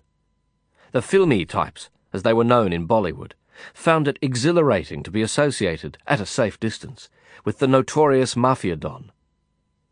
And the Khan himself wasn't indifferent to the glamour that laminated the movie world. When I approached Chandra Mehta for help in organizing the dances, two weeks before Prabaker's wedding, he'd assumed that the Prabaker in question was an important gunda working for Khaderbhai. He put time and special care into the arrangements, selecting each girl from personal knowledge of her skills, and teaming them with a band of the best studio musicians. The show, when we finally saw it, would have satisfied the manager of the raunchiest nightclub in the city. The band played a long top ten of the season's most popular songs. The girls sang and danced to every one of them, giving seductive and erotic emphasis to the subtext of each phrase. Some of the thousands of neighbours and guests at the slum wedding were pleasantly scandalised, but most were delighted by the wickedness. Prabaker and Johnny first among them. And I, seeing for the first time how lubricious the uncensored versions of the dances were, gained a new appreciation of the subtler gestures I'd seen so often in the Hindi films. I gave Johnny Cigar 5,000 American dollars as a wedding present. It was enough money for him to buy the little hut that he wanted in the Navy Nagar slum, near the spot where he'd been conceived. The Nagar was a legal slum, and purchasing the hut there meant the end of eviction fears. He would have a secure home from which to continue his work as unofficial accountant and tax consultant to the many hundreds of workers and small businesses in the surrounding slums. My present to Prabaker was the deed to his taxi. The owner of the small fleet of taxis sold the deed to me in a vicious bout of bare tooth and knuckle haggling. I paid too much for the vehicle and its license, but the money meant nothing to me. It was black money, and black money runs through the fingers faster than legal hard-earned money. If we can't respect the way we earn it, money has no value. If we can't use it to make life better for our families and loved ones, money has no purpose. Nevertheless, out of respect for the formalities of tradition, I damned the taxi fleet owner at the conclusion of our deal with that most polite and hideous of Indian business curses. May you have ten daughters, and may they all marry well. A string of dowry commitments sure to exhaust all but the sturdiest fortunes. Prabaker was so pleased and excited with the gift that the gravity he'd assumed in the role of the sober groom exploded in a whooping cheer. He leapt to his feet and danced a few pumps of his hip-thrusting, sexy dance before the solemnity of the occasion overwhelmed him once more, and he sat down with his bride. I joined the thick gyrating jungle of men in the front of the stage, and danced until my thin shirt clung to me like seaweed in a shallow wave. Returning to my apartment that night, I smiled to think how different Vikram's wedding had been. Two days before Prabaker and Johnny wed their sister brides, Vikram was married to Lettie.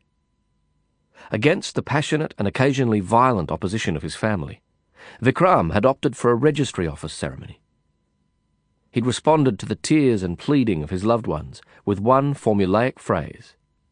This is the modern India, yeah? Few of his family members could bring themselves to face the agony of that public repudiation of the ancient, gorgeously elaborate Hindu wedding they'd long planned for him. In the end, it was only his sister and his mother who joined the little circle of Lettie's friends and watched as the bride and groom promised to love and honour one another for the rest of their days. There was no music, no colour, and no dancing. Lettie wore a burnt gold suit, with a broad gold straw hat bearing organdy roses. Vikram wore a three-quarter length black coat, a black and white brocade vest, black gaucho pants with silver piping, and his beloved hat. The ceremony was over in minutes, and then Vikram and I half carried his grief-stricken mother to her waiting car. On the day after their wedding, I drove Vikram and Lettie to the airport. Their plan was to repeat the ceremony in London with Lettie's family. While Lettie phoned her mother to confirm their arrival time, Vikram seized the opportunity for a heart-to-heart with me. Thanks for the work you did on my passport, man, he grinned. That fucking drug conviction in Denmark, it's only a little thing, but it could have given me a big headache, yeah? No problem. And the dollars, that was a fucking good rate you got for us. I know you did a special deal on that yacht, and I'll return the favor somehow when we get back. It's cool. You know, Lin, you really ought to settle down, man. I don't mean to jinx up your scene or anything. I'm only saying it as a friend. As a friend who loves you like a brother.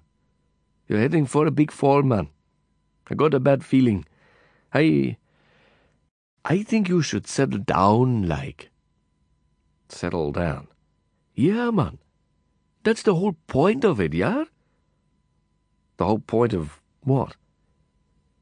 That's what the whole fucking game is all about. You're a man.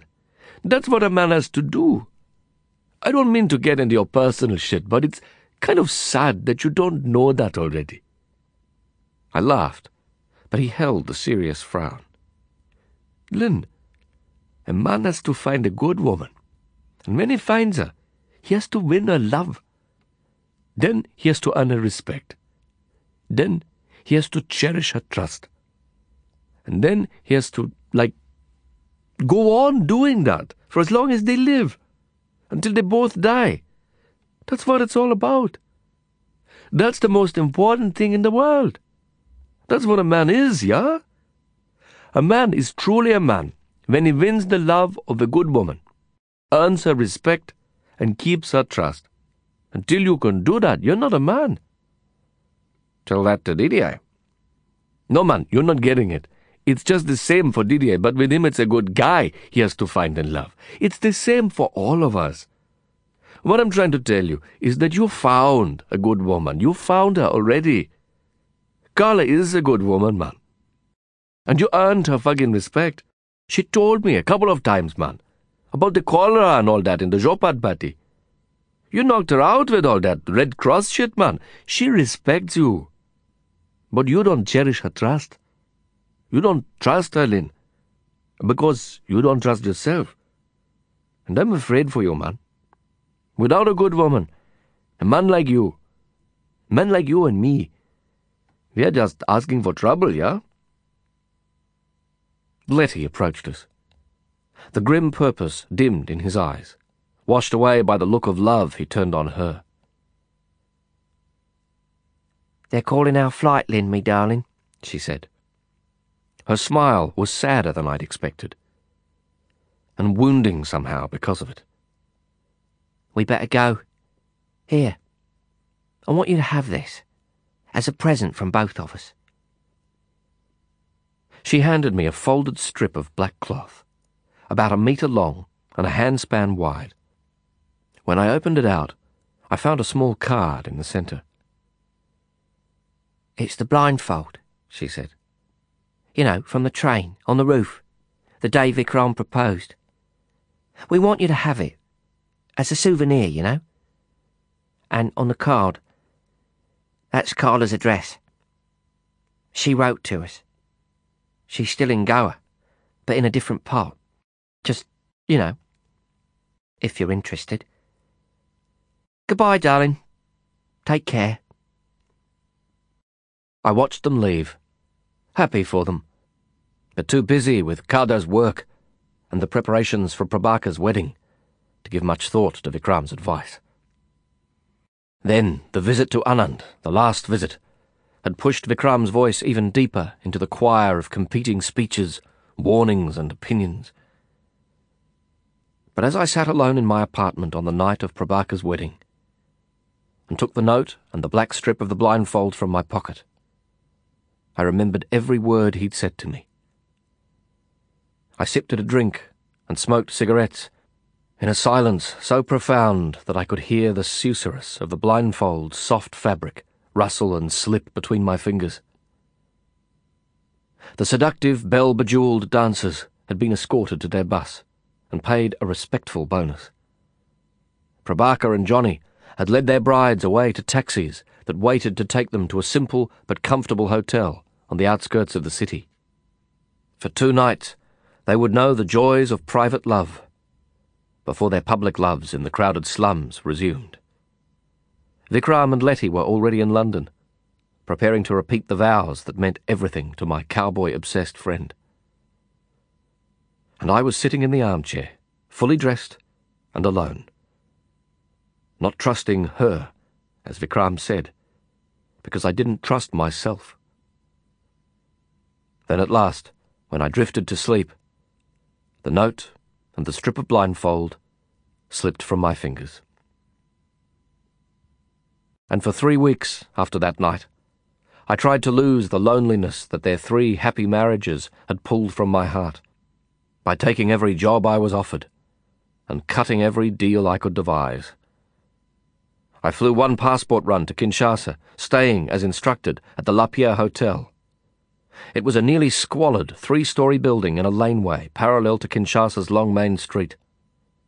The mattress was clean, but the floor and the walls seemed to be made from recycled coffin wood. The grave-like smell was overpowering, and a sweating damp filled my mouth with gloomy, unidentifiable tastes. I chain-smoked gitanes and gargled Belgian whiskey to kill them. Ratcatchers patrolled the corridors, dragging conspicuous Hessian sacks that bulged with writhing fat animals. Cockroach colonies had claimed the drawers of the dresser, so I hung my clothing and toiletries and other personal items from hooks and thick crooked nails, conveniently hammered into every surface that would endure them. On my first night, I was ripped from a light sleep by gunshots in the corridor beyond my door. I heard a crumpling thump, as of a body falling, and then shuffling footsteps pulling something heavy, backwards, along the bare wooden floor of the hallway.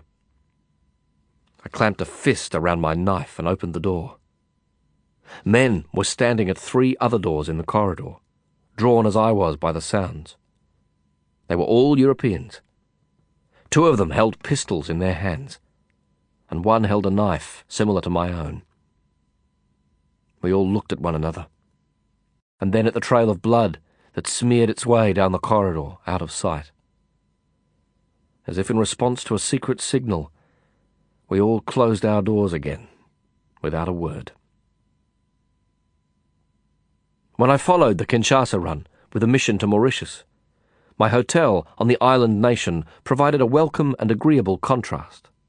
It was called the Mandarin, and it was in Curepipe.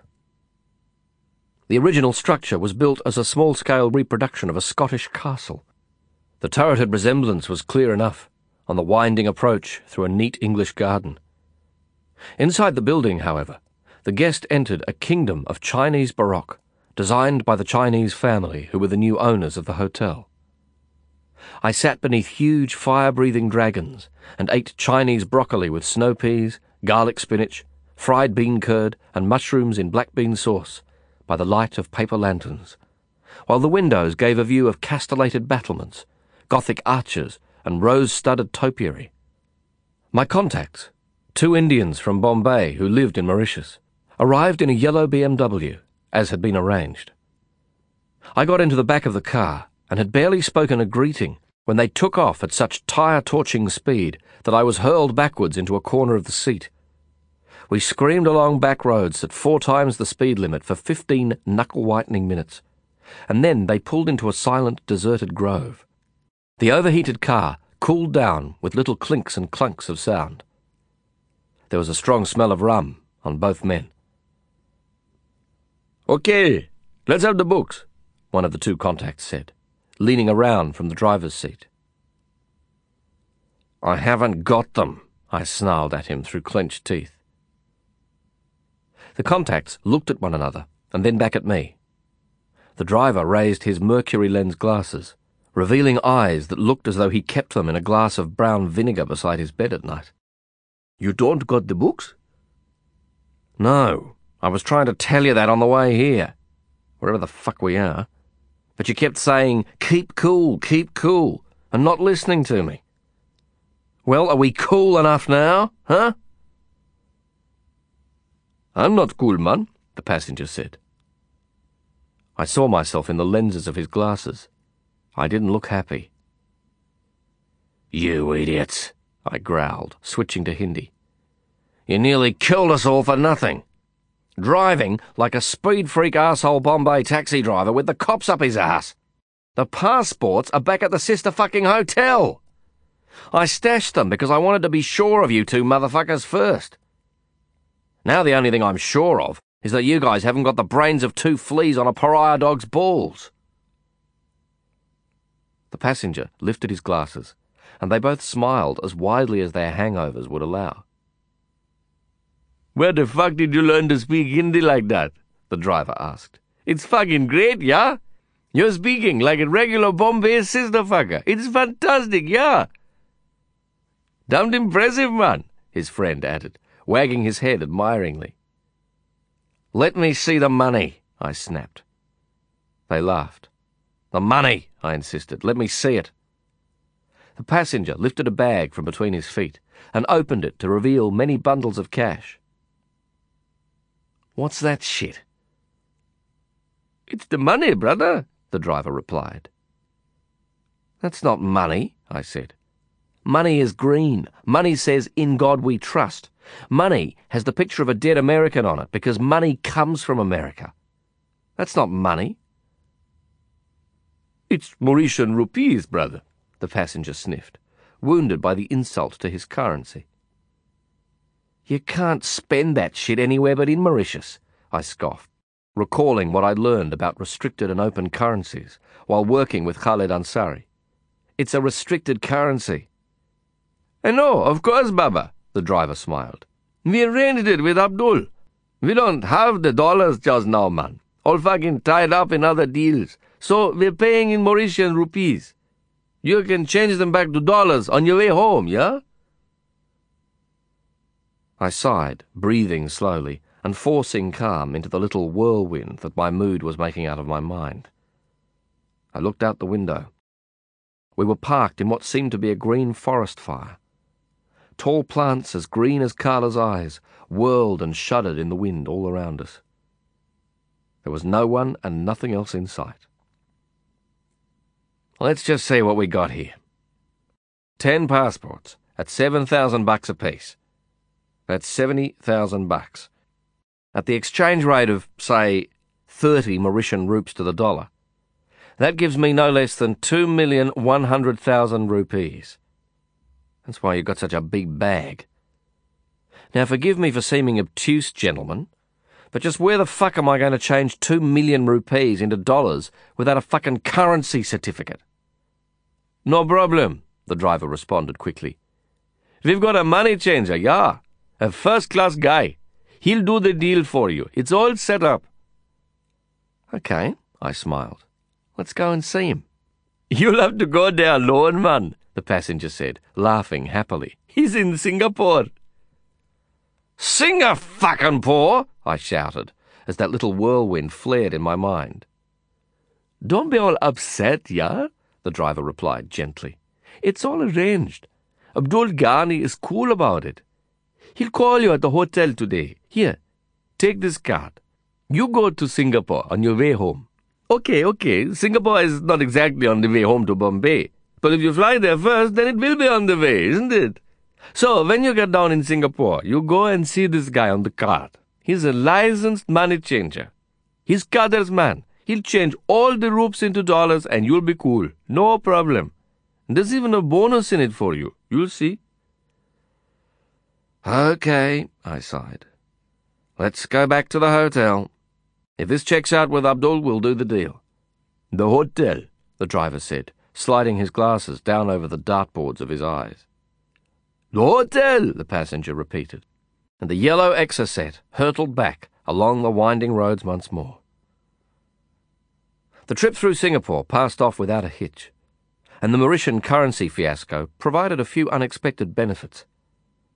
I made a valuable new contact in the Singapore money changer, an Indian from Madras named Shaky Ratnam, and I took my first look at the profitable smuggling run of duty free cameras and electrical goods from Singapore to Bombay.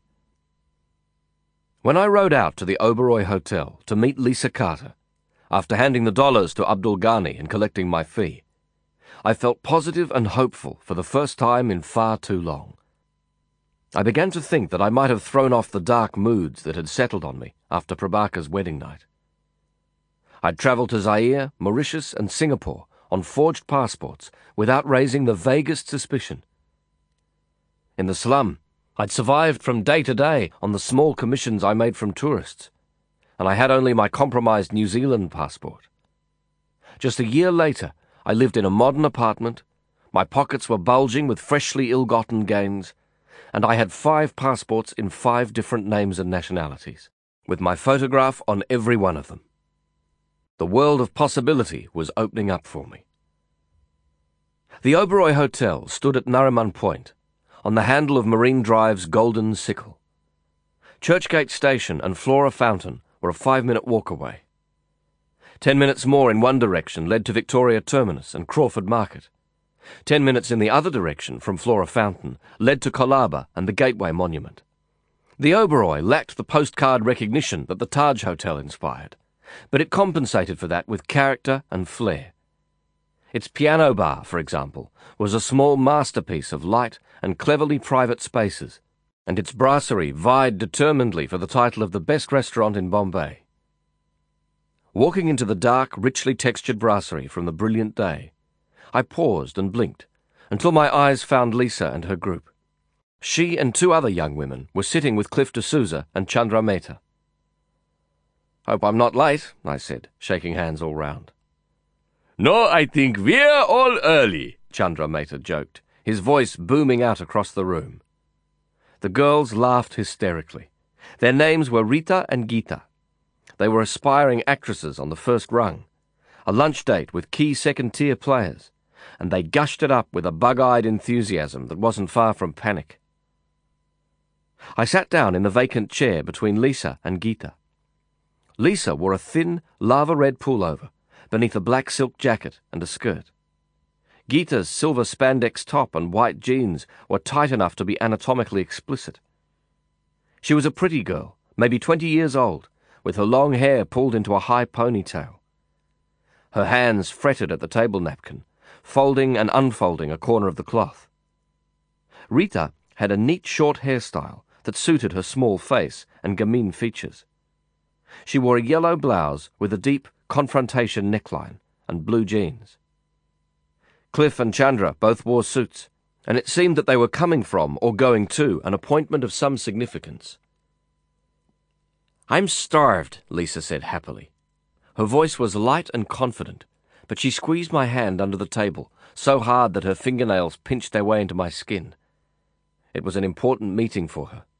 She knew that Mehta planned to offer us a formal partnership in the casting business we'd been running unofficially. Lisa wanted that contractual agreement. She wanted the approval that only a contract could provide. She wanted her future in writing. Let's eat.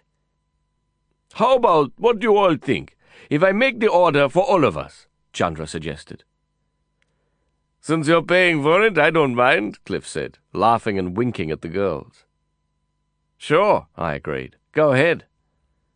He summoned the waiter with a glance and waved the menu aside, launching straight into his list of preferences.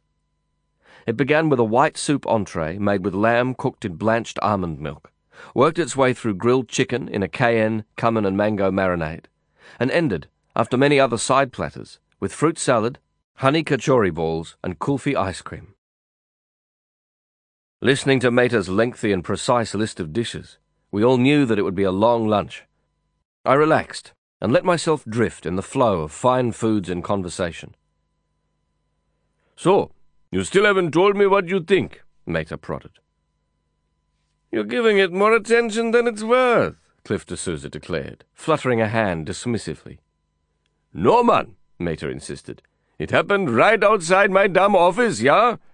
If 10,000 people are shouting about killing you outside your own damned office window, it's hard not to give it some attention. They weren't shouting about you personally, Chandrababu. Not me personally, but it's me and everyone like me they want to get. Come on, it's not so bad for you, and you should admit it. Your family is from Goa. You're Konkani speakers. Konkani and Marathi are very close. You speak Marathi as well as you speak English. But I don't speak a damn word of it. Still, I'm born here, yeah, and my daddy was born here before me. He has his business here in Bombay. We pay taxes here. My kids all go to school here. My whole life is here in Bombay, man. But they're shouting, Maharashtra for the Maharathis. And they want to kick us out of the only home we have. You have to see it from their point of view as well, Cliff added softly.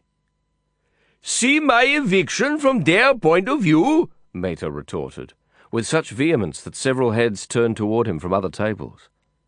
He continued more quietly, but with just as much passion. I should see my murder from their point of view. Is that it? I love you, my friend, like I love my own third brother in law, Cliff replied, grinning widely.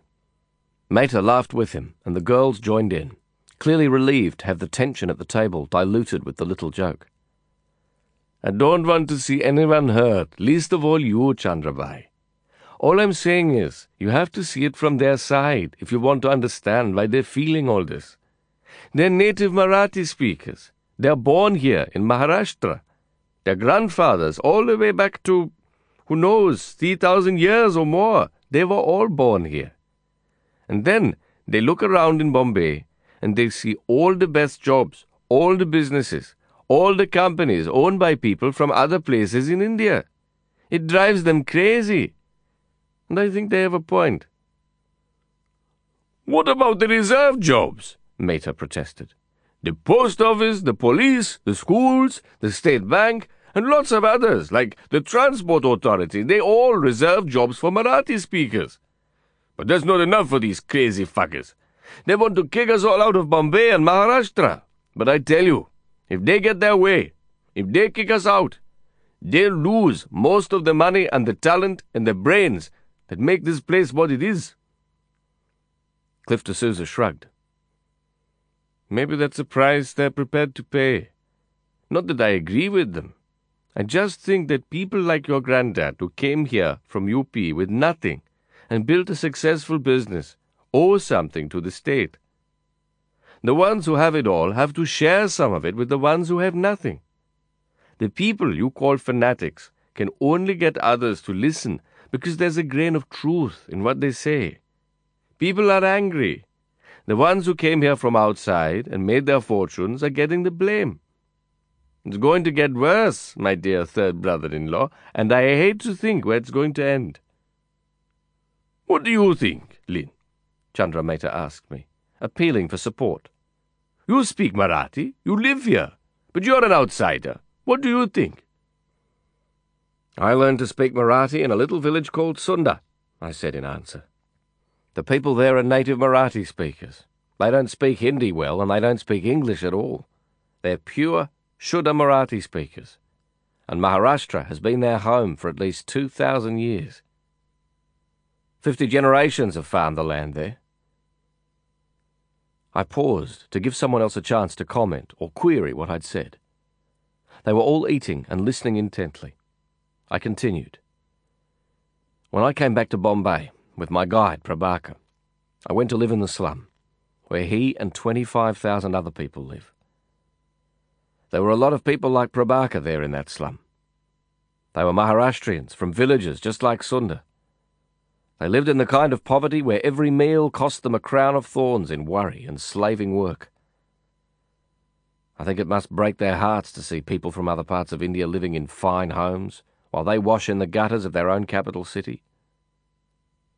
I took a few mouthfuls of food, waiting for a response from Mehta. After a few moments, he obliged. But hey, Lin, come on. That's not all of it, he said. There's a lot more to it than that. No, you're right. That's not all of it, I agreed. They're not just Maharashtrians in that slum. They're Punjabis and Tamils and Karnatakans and Bengalis and Assamese and Kashmiris. And they're not just Hindus. They're Sikhs and Muslims and Christians and Buddhists and Parsis and Jains. The problems here are not just Maharashtrian problems. The poor, like the rich, are from every part of India. But the poor are far too many, and the rich are far too few. Hooray, Bob! Chandra Mehta puffed. Holy Father. You sound like Cliff. He's a fucking communist. That's one of his raves, yeah? I'm not a communist or a capitalist, I said, smiling. I'm more of a leave me the hell alonist. Don't believe him, Lisa interjected. When you're in trouble, he's the right man to call. I looked at her. Our eyes held, just long enough to feel good and guilty at the same time. Fanaticism is the opposite of love, I said, recalling one of Khaderbhai's lectures. A wise man once told me, he's a Muslim, by the way, that he has more in common with a rational, reasonable minded Jew than he does with a fanatic from his own religion. He has more in common with a rational, reasonable minded Christian or Buddhist or Hindu than he does with a fanatic from his own religion. In fact, he has more in common with a rational, reasonable minded atheist than he does with a fanatic from his own religion. I agree with him, and I feel the same way. I also agree with Winston Churchill, who wants to find a fanatic as someone who won't change his mind and can't change the subject. And on that note, Lisa laughed, let's change the subject. Come on, Cliff. I'm relying on you to give me all the gossip about the romance on the set of Kanoon. What's really going on there? Yes, yes, Rita cried out excitedly. And all about the new girl. There's so much of scandal about her that I can't even say her name out loud, yeah? And everything, anything at all about Anil Kapoor. I just love him to pieces. And Sanjay Dutt, Geeta added, trembling dramatically at the mention of his name. Is it true that you actually went to his party in Versova? Oh my God! How I would love to be there. Tell us all about it. Encouraged by that febrile curiosity, Cliff D'Souza spun out yarns about the Bollywood stars, and Chandra Mehta added titillating ruffles of gossip throughout. It became clear during the lunch that Cliff had an eye for Rita, and Chandra Mehta directed much of his attention to Geeta. The long lunch was the beginning of a long day and night they'd planned to spend together. Warming to their themes, and with half their minds on the pleasures of the night to come, the movie men gradually shifted their gossip and anecdotes into the area of sex and sexual scandals. They were funny stories, sometimes straying into the bizarre. We were all laughing hard when Kavita Singh entered the restaurant. The laughter was still rippling through us as I introduced Kavita around the table. Excuse me, she said, with the kind of frown that climbs out of deep trouble and refuses to leave. I have to speak to you, Lin. You can talk about the case here, Kavita, I offered, still bright with the laughter of a minute before. They'll find it interesting. It's not about the case, she insisted firmly. It's about Abdullah Taheri. I stood at once and excused myself, nodding to Lisa that she should stay and wait for me to return. Kavita and I walked to the foyer of the restaurant. When we were alone, she spoke. Your friend Taheri is in deep shit. What do you mean? I mean that I heard a whisper from the crime staffer at the Times. He said that Abdullah is on a police hit list. Shoot on sight, he said. What? The cops' orders are to take him alive if they can, but to take no chances with him. They're sure he's armed, and they're sure he'll shoot if they try to arrest him. At the slightest hesitation from him, they're ordered to shoot him down like a dog. Why? What's it all about? They think he's this Sapna guy. They've had a solid tip off with solid evidence. They're sure it's him, and they're going to get him. Today. It might have happened already. You can't fuck with the cops in Bombay. Not with something this serious. I've been looking for you for two hours. Sapna? It doesn't make sense, I said. But it did make sense. It made